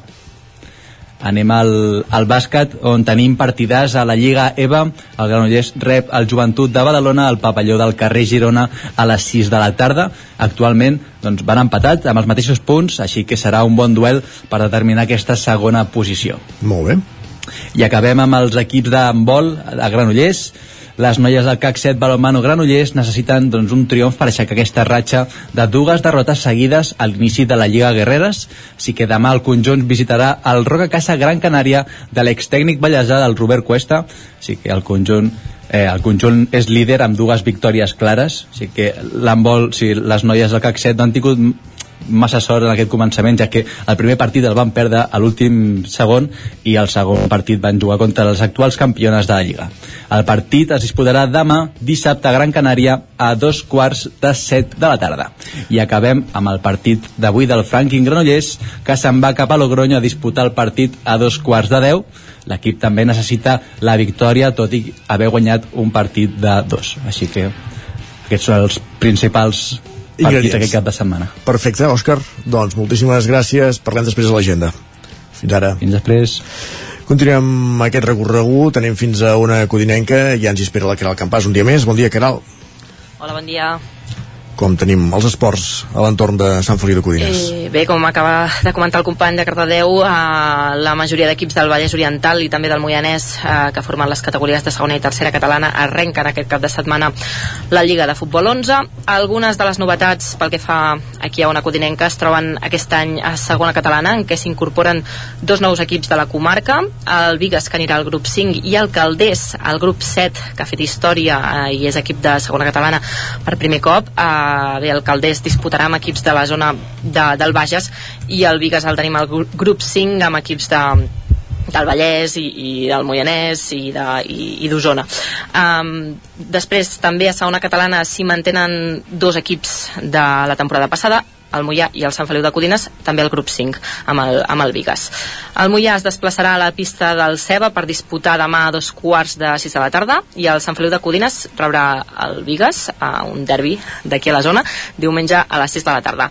El Caldés, per la seva banda, el grup 7, eh, debutarà eh, en aquesta categoria, com deia, a la pista del Sant Pau de Manresa a dos quarts de 8 del vespre i el Caldes de Montbui que competia l'any passat a segona va fer història, igual que el Caldés eh, i aquest any serà a, a equip de primera catalana amb el Granollers entre d'altres el grup 1 i eh, de fet debutaran el primer cap de setmana d'octubre, eh, encara no i eh, acabaria el futbol eh, parlant del Castell Tarsol que després d'una agonia podríem dir a tercera catalana que va durar fins ben bé finals de la temporada ha baixat a quarta on competirà el grup 4 on també hi ha el filial del Sant Feliu de Codines i que començaran aquests el cap de setmana vinent. I pel que fa a l'hoquei el Rec amb les Arcaldes disputarà el segon partit eh, de la temporada a la pista de l'Igualada a dos quarts de vuit del vespre. Això serà demà dia 17 eh, bé, la temporada regular dels arlequinats va començar el cap de setmana passat amb una derrota contra el Calafell eh, malgrat bastant bones sensacions. Eh, i bé, la idea de l'equip ara és eh, doncs recuperar i convertir les sensacions en gols i els gols en una victòria no? aquest dissabte al vespre a la pista de, de l'Igualada comentar-vos i recordar-vos que l'any passat Alcaldes va tenir problemes, tot i que va acabar en posicions elevades a la Lliga, però va tenir problemes eh, doncs, per la pista, no, que l'havien renovat, eh, que hi ha, i que hi ha pols, pols, i no podien entrenar bé, ho recordem. I bé, en principi, aquesta temporada està, està bastant resolta, això. A veure si... Esperem que sí. Sí, si els hi va més de cara. I eh, acabo l'hoquei parlant de les noies del Vigas, que ho tenen tot a punt per encetar la temporada. Aquest diumenge al pavelló de Can Barell, al seu municipi. Disputaran, disputaran el primer partit de l'Hockey Lliga contra el Voltregà, un equip de nivell a un quart de cinc de la tarda i bé, serà un repte per mesurar el pols de l'equip que fa tot just un mes a entrenar amb diversos canvis, eh, alguns canvis a la banqueta perquè tenen nou entrenador, Bruno Alfonso i el terreny de joc on s'hi compten algunes baixes i la incorporació de dues noves jugadores, Rocío Piojo i Gala Soler.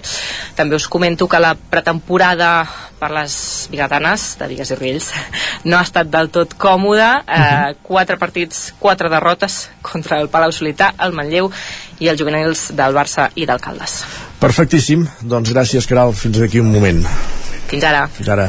Anem cap a la veu de Sant Joan, anem cap al Ripollès, ja ens espera com veuen els nostres espectadors de Twitch i de YouTube. L'Isaac Montades, benvingut Isaac, bon dia. Bon dia, bon dia. Com està el cap de setmana? Com es presenta? Doncs sí, tenim més un cap de de, setmana més que enllà de, plu, de moll, diguéssim. Més enllà d'això, esportivament parlant de què podríem parlar.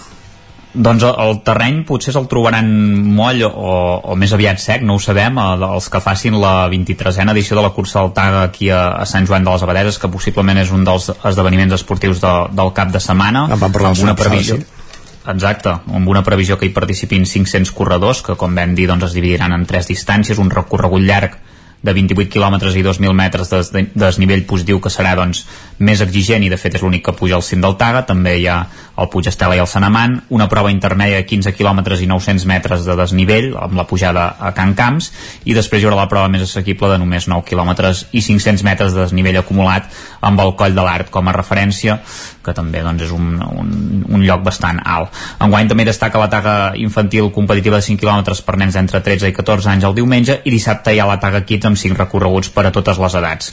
I evidentment aquest cap de setmana comença el futbol a tercera catalana amb tres equips del Ripollès al grup 18 obrirà foc al Camp Prudon que s'estrena a la categoria de després de descendir l'any passat i jugarà a domicili a les 4 de la tarda al Camp de la Cellera un partit assequible per començar en principi. I un clàssic de festa major eh, de Can de Bànol és el duel que enfrontarà el Camp de Bànol i l'Atlètic Banyoles aquest dissabte a les 5 de la tarda que ja s'han enfrontat multitud de vegades a la primera jornada o per festa major. Possiblement sigui la tercera o quarta vegada que passa per tant ja, ja és habitual. I finalment la Badesenc jugarà a domicili al camp del Sant Gregori a les 5 de la tarda probablement en el partit més interessant de la jornada juntament amb el Fornells com a cross que també és un dels duels d'alt voltatge d'aquest inici a la tercera catalana. D'hoquei dir-vos que el Ripoll fa la presentació de, pre- de temporada aquest divendres a un quart de nou uh, de la, del vespre i a dos quarts de deu el partit amistós contra el Roda. Per tant ja, ja comença ja aviat la, la Lliga i s'estan ja fent els últims preparatius. I per acabar dir-vos que aquest dissabte uh, Ripoll acull per segon any consecutiu el Rally de la Llana Trofeu Autosi, que arriba a la seva 23a edició, una prova amb més de 50 anys d'història, inscrita doncs, en el calendari de la Real Federación Española de i amb una gran importància dins de, del calendari hi haurà forces participants també, és un rally puntuable pel Campionat de Catalunya de ral·lis d'asfalt, la Copa Michelin i la Copa Pirelli, en les modalitats d'asfalt, regularitat i regularitat esport. La plaça del monestir collirà el podi de sortida i el parc tancat de l'arribada i el parc d'assistència se situa a l'Avinguda del Tèxtil i els Perfecte. pilots doncs, hauran de superar tres trams, una coll de Marolla, un altre al Pens i un també eh, a Santigosa. Doncs estarem pendents i en parlem dilluns. Gràcies, Isaac. A vosaltres. Fins ara. I acabem aquest recorregut als estudis del 9FM, aquí un divendres més i tenim a, a l'Ester Rovira. Uh, Ester, benvinguda, bon dia. Bon dia. Què ens depara el cap de setmana? 3 minuts, va. Doncs tenim una mica de, de tot, cada vegada més competicions que s'han posant en marxa. Comencem amb hoquei, si et sembla, amb l'hoquei Lliga, eh, que demà al migdia ens oferirà un Barça Voltregà Motor a les 12 del migdia, partit interessant i més després de veure com la setmana passada el Voltregà va pentacar a casa el, el Liceu i no va ser fins a l'últim minut que van perdre el, el partit, per tant eh, partit interessant per, per veure. També es posa en marxa l'hoquei Lliga femenina aquest cap de setmana amb els dos conjunts usonencs eh, habituals a la competició. El Martinelli amb el Lleu que rebrà demà dissabte a les 6 de la tarda a casa el Cerdanyola, un equip nou amb moltes novetats i, i molt jove, el, el conjunt del, del Vallès, mentre que el Voltregà Motor juga diumenge a un quart de 5 de la tarda a la pista del Vigues i Riells, aquest un partit que es podrà veure per les televisions de, de la xarxa. Uh, D'altra banda, els equips de plata uh, juguen la Lliga Catalana de pretemporada, uh, el Taradell i el Vic, en aquest cas d'usonencs, el Taradell rebrà dissabte a les 6 al Mataró i el Vic visitarà la pista del Xum dissabte a les 8, això pel que fa a l'hoquei.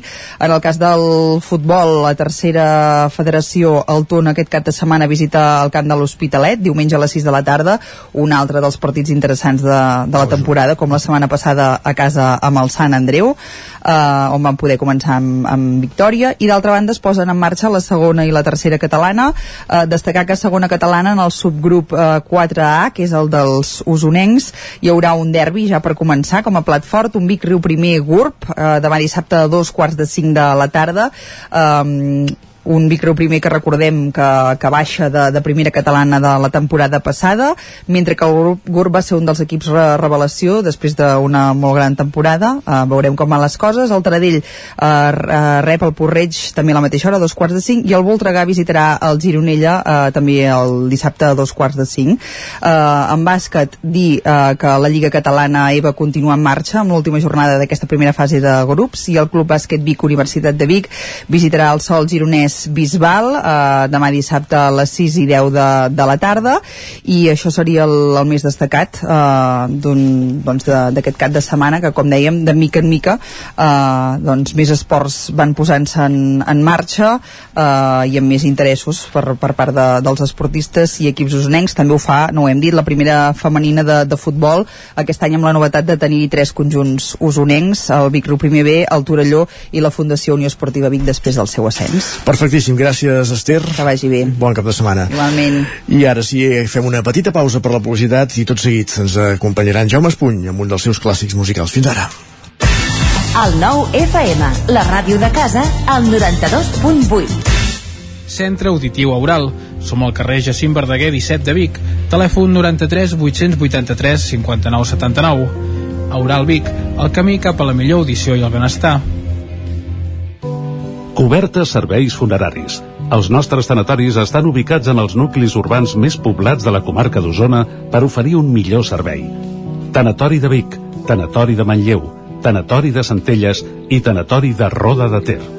Sabem que són moments difícils i per això el nostre compromís és atendre-us en tot moment amb un tracte humà, sensible i respectuós. Cobertes serveis funeraris. Telèfon 24 hores 93 883 23 46. Vols netejar més fàcilment el jardí, la terrassa o el garatge? El 99 i Vicreu regalen una hidronetejadora estil valorada en 155 euros. Neteja alta pressió de manera fàcil i pràctica. Per aconseguir-la només has d'entrar al perfil d'Instagram del 99, buscar entre les últimes publicacions i participar al sorteig tot seguint les instruccions. Tens temps fins al diumenge 18 de setembre. Amb Pradell estalvio energia i cuido la meva butxaca i el medi ambient. Posa't en mans a Pradell, són experts en calderes de gas i condensació, estufes de pèl·let, energia solar, terres radiants i geotèrmia. Pradell instal·la calderes de biomassa per a particulars i per a empreses. Si vols estalviar un 50% en consum, contacta amb Pradell i passa't a les energies renovables. Pradell som a l'Avinguda Països Catalans 27 de Vic. Telèfon 93 885 1197. Pradell.cat. Cocodril Club. Si t'agrada la bona música dels anys 60, 70 i 80, escolta el 9 FM als matins de dissabtes i diumenges d'11 a 1. És el temps del Cocodril Club, tot un clàssic de la ràdio, amb les bases del pop-rock, les llegendes, les cançons que s'han convertit en autèntics himnes. Recorda, dissabtes i diumenges al matí, d'11 a 1, al 9 FM 92.8. Cocodril Club, el programa revival de l'Albert Malla. Hasta luego, cocodrilo. La taverna d'en Sidoro. Fem esmorzars de forquilla, vinars, sopars i tenim una gran varietat de tapes i plats per escollir. Cuina oberta tot el dia. Tenim peix fresc de la llotja. No et perdis el nostre extraordinari pop. Vine a la nostra terrassa. La taverna d'en Sidoro. Som al carrer Pirineus 20 del polígon Mas Galí de Gurb. Telèfon 93 883 1689. Anuncia't al 9FM. La màquina de casa. 9 3 8 8 9 4 9 4 9. Publicitat arroba al 9FM.cat. Anuncia't al 9FM. La publicitat més eficaç. En punt ara mateix, dos quarts d'onze al territori 17. Territori 17. El 9 FM, la veu de Sant Joan, Ona Codinenca, Ràdio Cardedeu, Territori 17.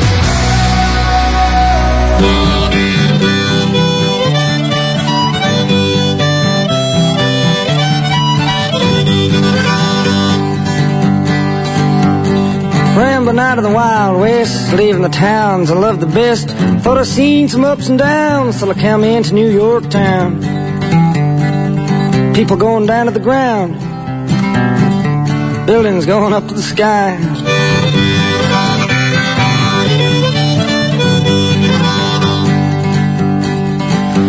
Wintertime in New York town, the wind blowing the snow around. Walk around with nowhere to go. You somebody can freeze right to the bone. I froze right to the bone. New York Times said it was the coldest winter in 17 years. I didn't feel so cold then.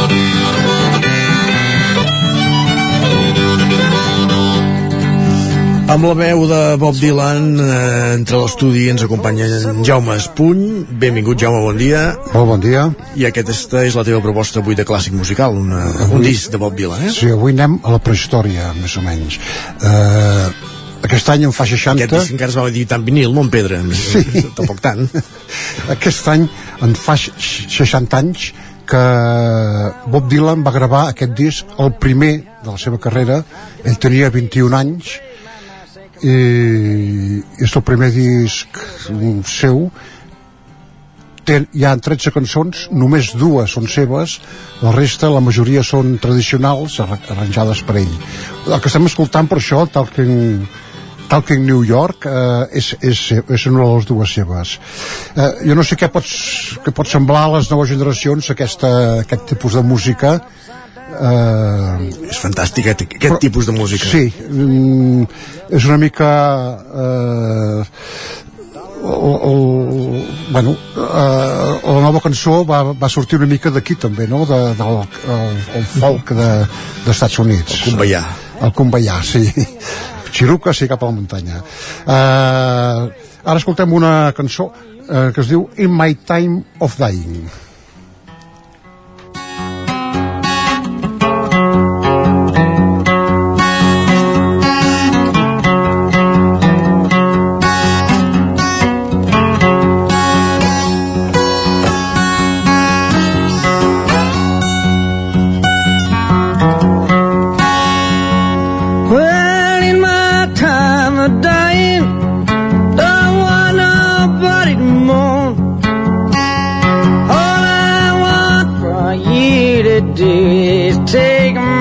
Body home. Well, well, well, so I can die easy. Well, well, well. Well, well, well, so I can die easy. Jesus gonna make up. Jesus gonna make up. Jesus gonna make up my dying bed.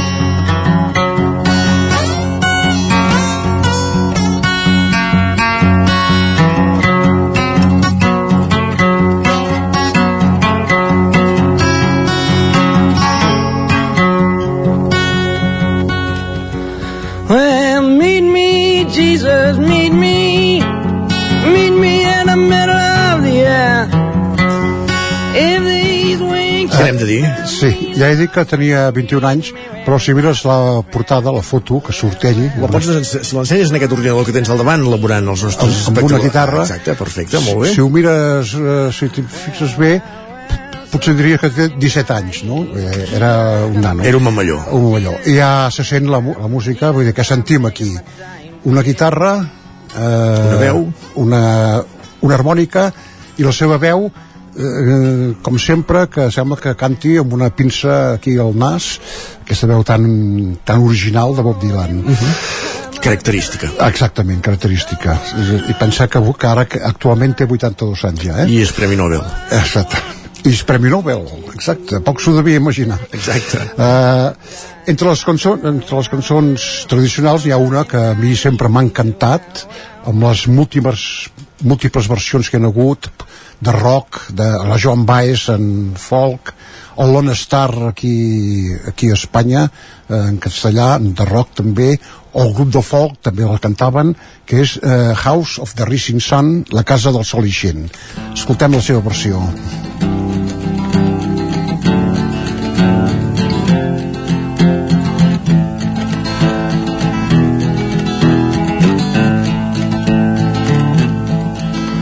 There is a house down in New Orleans. They call the rising sun. And it's been the ruin of many poor girls. And me, oh, God, I'm a one.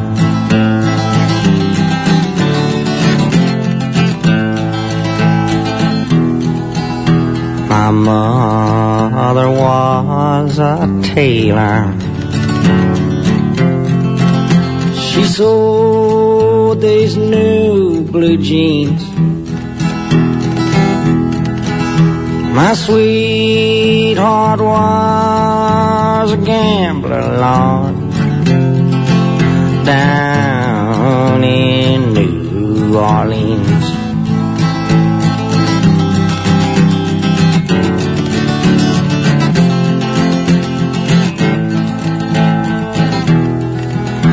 Now the only thing a gambler needs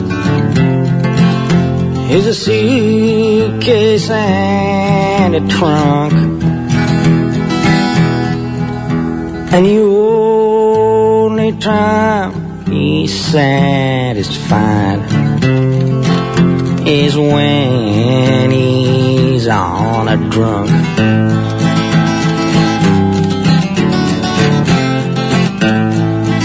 Ara em comentava en Jaume Espull per línia interna que, que aquesta cançó eh, que jo atribuïa als Animals no és seva tampoc. No, és... no, és una cançó anònima, Caram. tradicional de Nova Orleans, d'algun negre de per allà, suposo. Per, o sigui que és, una, és el grup que més la va popularitzar, no? Per això, els Sí, Animals? sí, sí. Eh, Clar, la van pu- publicar, eh, publicar en ro eh, publicitat en rock, eh, en versió rockera, no?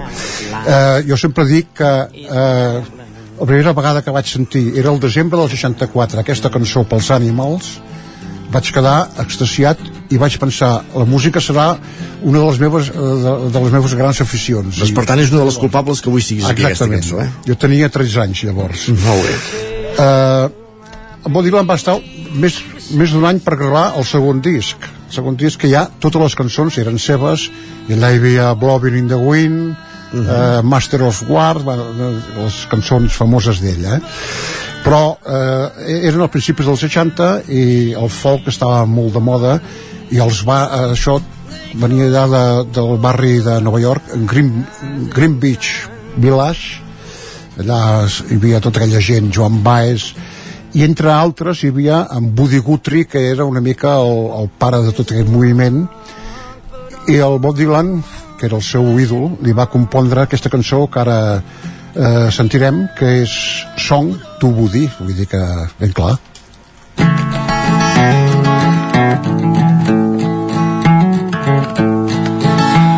I'm out here a thousand miles from my home. Walking a road other men have gone down. I'm seeing your world of people and things. Here paupers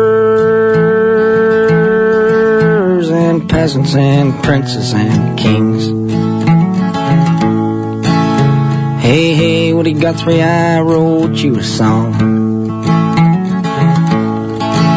About a funny old world that's a coming along. Seems sick and it's hungry, it's tired and it's torn.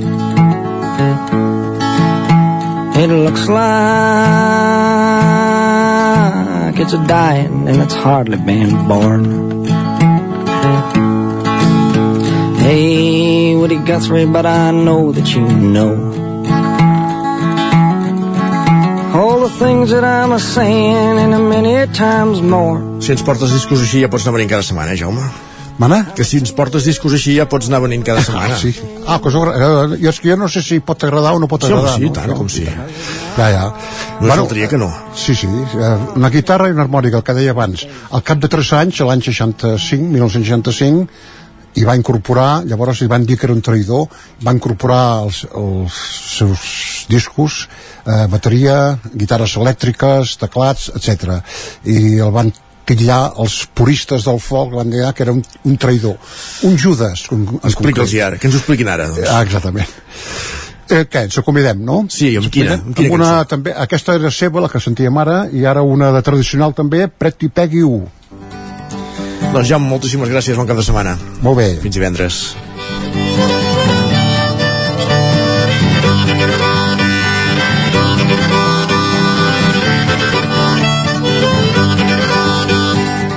I've been around this whole country, but I never yet found Fenario. Well, as we march down, as we march down, well, as we march down to Fenario, well, the captain fell in love with a lady like a dove. Her name that she had was Pretty Peggy O.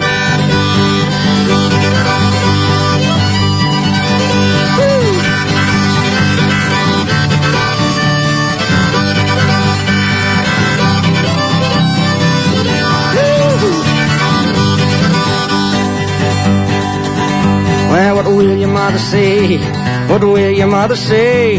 What will your mother say? Pretty Peggy, oh, what will your mother say? Do you know you're going away? You never, never, never coming back, you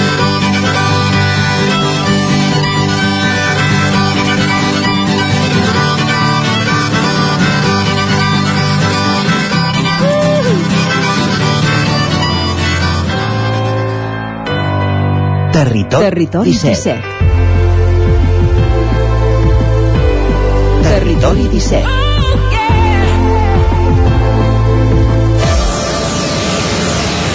3 minuts perquè siguin 3 quarts de 12 des, 3 quarts d'onze del matí al territori 17 moment d'anar cap a l'agenda encara no ens acabem d'habituar aquesta temporada a fer el programa de, més curt i acabar a les 11 agenda, un recorregut que fem per les emissores del territori 17 per conèixer els actes més destacats del cap de setmana comencem a Ràdio Televisió Cardeu altre cop Òscar Muñoz, benvingut de nou què tenim per, aquest, per aquest cap de setmana?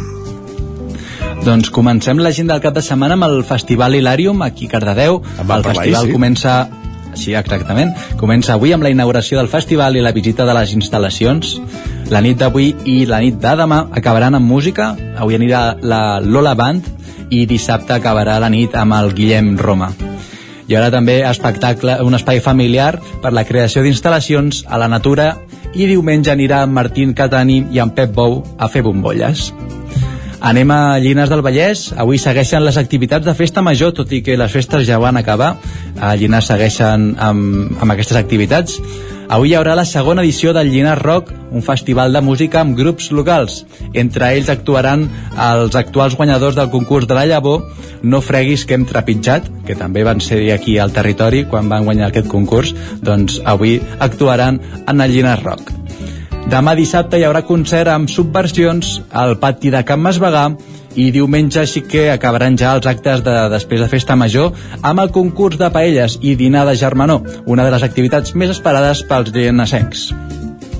I acabem a Granollers dissabte, activitat familiar amb la fira Tarallà, a la Roca Humbert, Tarallà és, està destinada a donar informació i formació sobre la música i la seva rellevància com a element educatiu a l'etapa del 0 a 10 anys amb la inclusió d'infants amb necessitats, eh, necessitats educatives específiques.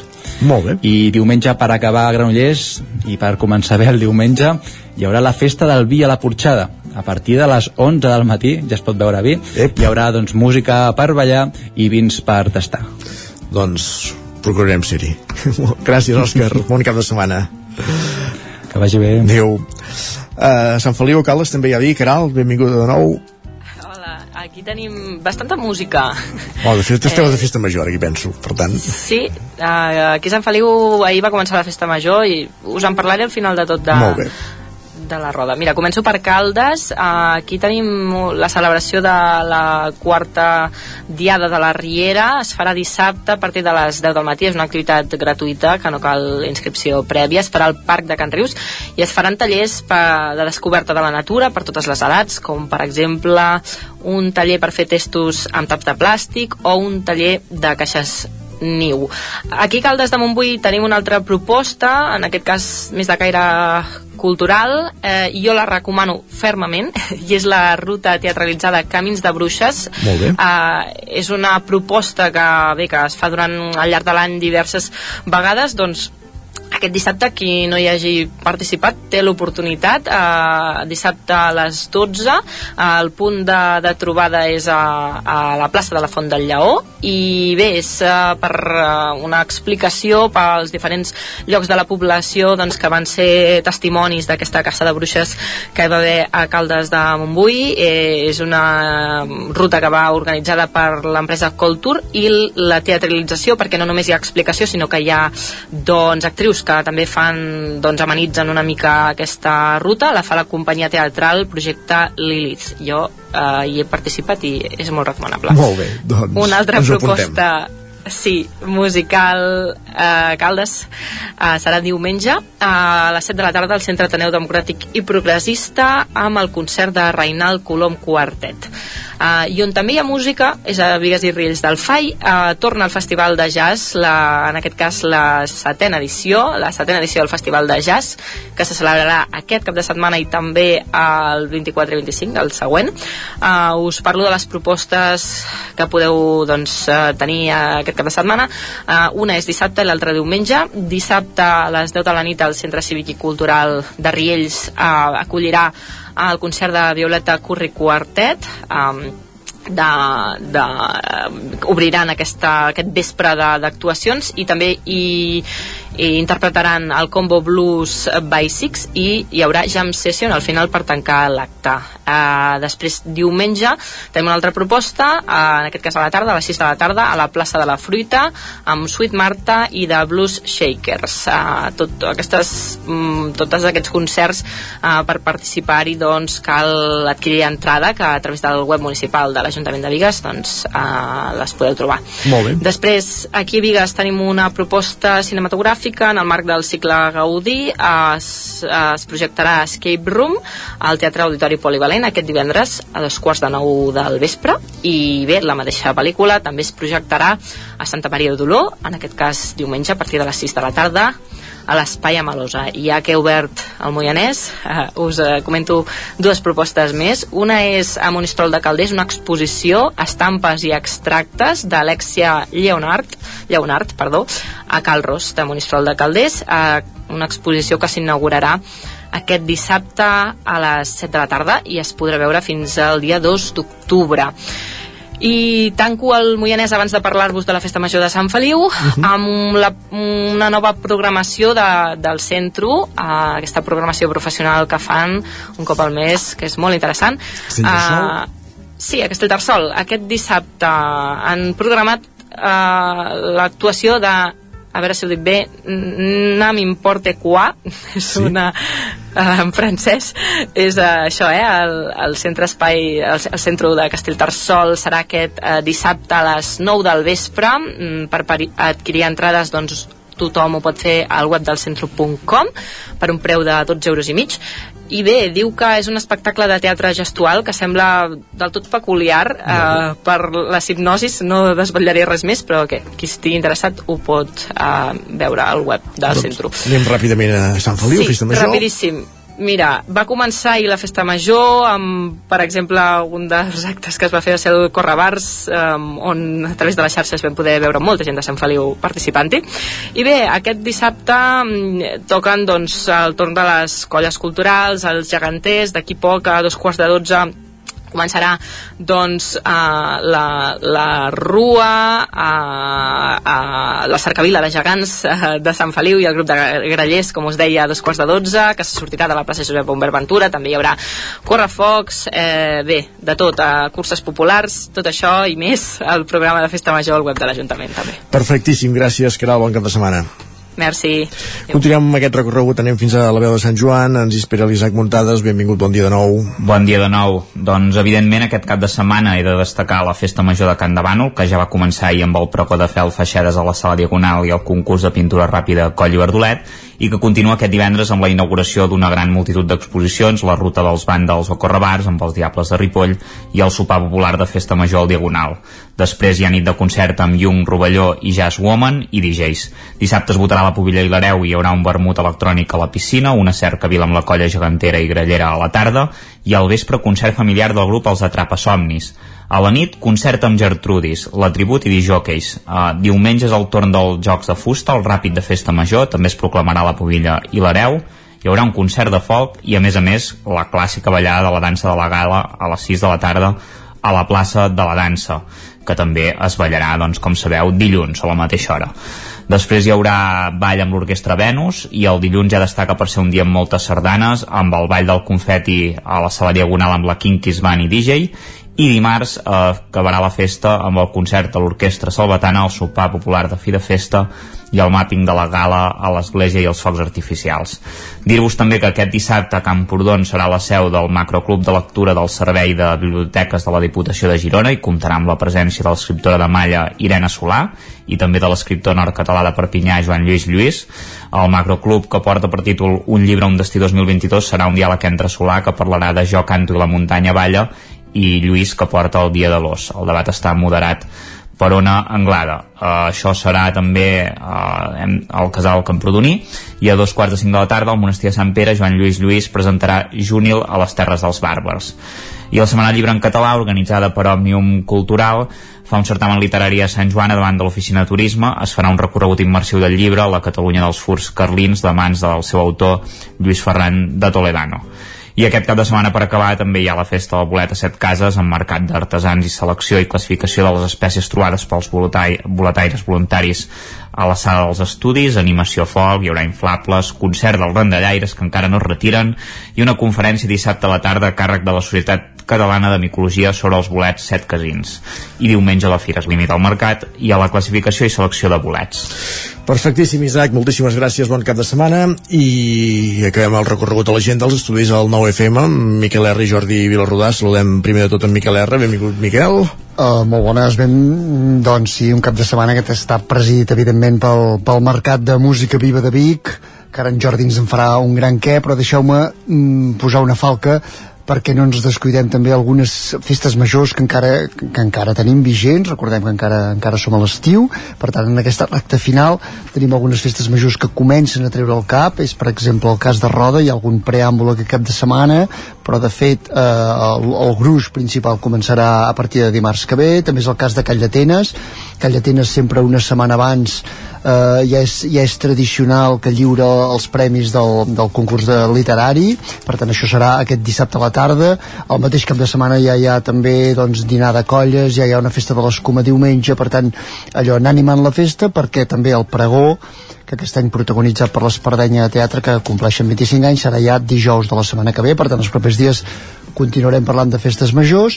I recordar una altra cita emblemàtica d'aquests dies la plec de Roca Parvera a Torelló. Eh, aquest any la primera edició des de que es va fer eh, fa uns, uns mesos la consulta sobre quin dia havia de ser festiu a Torelló. Finalment es va imposar el dia de la plec de Roca Parvera però això era per l'any, la consulta era per l'any que ve em sembla correcte, per tant aquest dia era festa i per tant hi haurà molts més dilluns de, de Roca Parvera que continuaran sent festius a Torelló. Eh, la festa manté el patró recupera ja plenament. L'any passat eh, encara es va haver de viure amb limitacions recupera el, el format habitual, incorpora, incorpora noves propostes, també amb una mica amb aquesta voluntat d'anar sumant nous públics, com poden ser el diumenge un vermut popular, un vermut musical, o, o també un taller amb els, amb els segals d'Osona i la resta doncs, eh, ha, doncs, algunes cites consolidades com la cursa de muntanya i la cinquena edició o també actuacions musicals, exposicions l'emblemàtica tòmbola. Entre les exposicions m'agradaria destacar una de pintura del periodista Salvador Sala, que també sembla que està estrenant nous camins. Aquarel·les, nous bàsicament. Estètics. Sí. Molt bé. Correcte. He fet aquesta falca perquè sabia que ara em prendria el relleu en Jordi Vilarrodà amb el Mercat de Música, que sí que evidentment agafa el gran protagonista d'aquest cap de setmana festiu. Efectivament. Doncs fem, eh, eh, el que no podem fer és un... Jordi, ja, ja que ets aquí, tomba un pèl aquest ordinador cap a tu, aquest que tens al teu davant. Sí? Tomba un pèl cap a tu, just que... Ah, així, perfecte, ja estàs més Sortim enquadrat. bé ara? Ah, exacte, molt bé, molt bé. sortim bé al canal de YouTube. A veure, eh, no, dèiem que evidentment és cap de setmana de mercat de música amb tots els concerts que hi ha encara aquest divendres i dissabte, perquè recordem que el diumenge s'ha acabat el mercat de música, eh? eh tenim eh, avui els concerts encara a l'Atlàntida eh, durant tot el dia. Eh, l'Atlàntida vol dir els escenaris de dins a la carpa de fora. En destacarem l'escenari interior o, en la sala Ramon Montanyà l'estrena del nou disc de l'Ernest Cruzats i a fora per parlar dels usonencs també hi tindrem al cap d'una estona són compatibles els horaris dels dos concerts els Areu Escampa Mhm. eh, mireu la programació que també hi ha moltes més coses eh? i avui eh, per Ara que, exemple dius, ara que dius mira la programació, un, trenco una llança, ja fa molts anys que ho penso, de l'aplicació del Mercat de Música Viva, que és perfecte. És perfecta, és molt pràctica, us aconsellem que us la descarregueu, eh?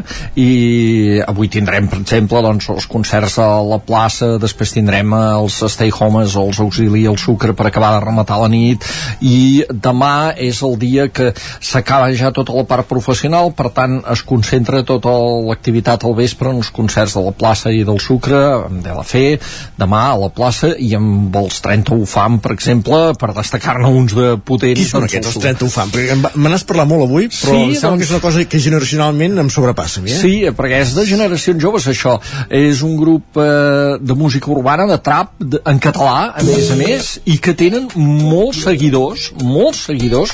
És una cosa molt potent i demà segur que aquest concert, que és a dos quarts de dues de la matinada aproximadament, hi haurà la gent més jove, el, el mercat va buscar també aquest públic, aquest públic més jove, jove, que, que, que són grans seguidors dels 30 UFAM. El meu fill que té té 15 anys, és l'únic concert que anirà a veure, per exemple. Per exemple, veus? Eh, doncs un bon exemple. Tenim un minut, en podem destacar alguna cosa més? Sí, eh, destaquem que també durant el dia, evidentment, hi ha la Dobries Festa la Rambla del Bisbat ja des del matí i tenim també els grups de carrer que actuen ja avui divendres, però sobretot demà dissabte és quan n'hi ha més, tota la música al carrer, més o menys a partir de les 6 de la tarda fins a les 12 de la nit que pleguen. Eh, I després destaquem fora del mercat de música, perquè hi ha vida fora del mercat de música, el diumenge a Hostalets de Balanyà en- estrenant la nova sala de concerts de l'edifici remodelat de la pista, tenim el rocker nord-americà eh, nova-iorquès Willie Nile que torna a venir havia de fer una gira ja el 2020 suspesa per la pandèmia i que serà a més a més doncs, en, aquesta, en aquesta sala eh, no recordo bé l'hora si és a les 6 o a les 7 de la tarda, Set de la a les 7 de, tarda, les 7 de la tarda. Mhm. gratuït per estrena de la, de la nova sala de concerts de la pista A més ho fan perfecte perquè ho fan diumenge que ja no hi ha, ja no hi ha mercat, eh? està buscat ja és, ja és No pensat això per part del, del COC que és el, el col·lectiu que organitza aquests concerts a Balanyà També hi ha aquest, eh, eh, aquest, no? aquest, aquest concert puntual o diferent del, de l'Ànanas, Sí. eh? que, que comparteixen Guillem Roma i Mariona Castells, eh? això a, a Roda de Ter dissabte a les 11 de la nit, aquest projecte. un projecte que van fent, doncs que ja fa un parell d'anys que el van fent a molts llocs, que és crear can... tu vas a una sessió amb ells i es crea una cançó allà durant la sessió Ah, i tots la, can... tots la fem i tots la cantem Això sí o que és sigui, i d'aquestes cançons en diuen ànanes i ara fa dos anys això ho faran Can Grau allà a la fàbrica aquella de Roda eh, aquest dissabte al matí Miquel R, Jordi Vilorrodà, moltíssimes gràcies. Bon cap de setmana. Bon cap de setmana, mercat esperem de que no plogui gaire. Adéu-siau. I acabem aquí el territori 17 d'aquest divendres 16 de setembre de 2022. Us hem acompanyat des de les 9 del matí Pepa Costa, Víctor Palo Marxa i Vilamala, Guillem Freixa, eh, Jordi Vilarrodà, Esther Rovira, Jaume Espunyo, Òscar Muñoz, Isaac Muntades, Caral Campàs, Miquel R, Jordi Sunyer i Isaac Moreno. Territori 17, un magazín del nou FM. La veu de Sant Joan, Ona Codinenca i Ràdio Cardedeu amb el suport de la xarxa. Bon cap de setmana.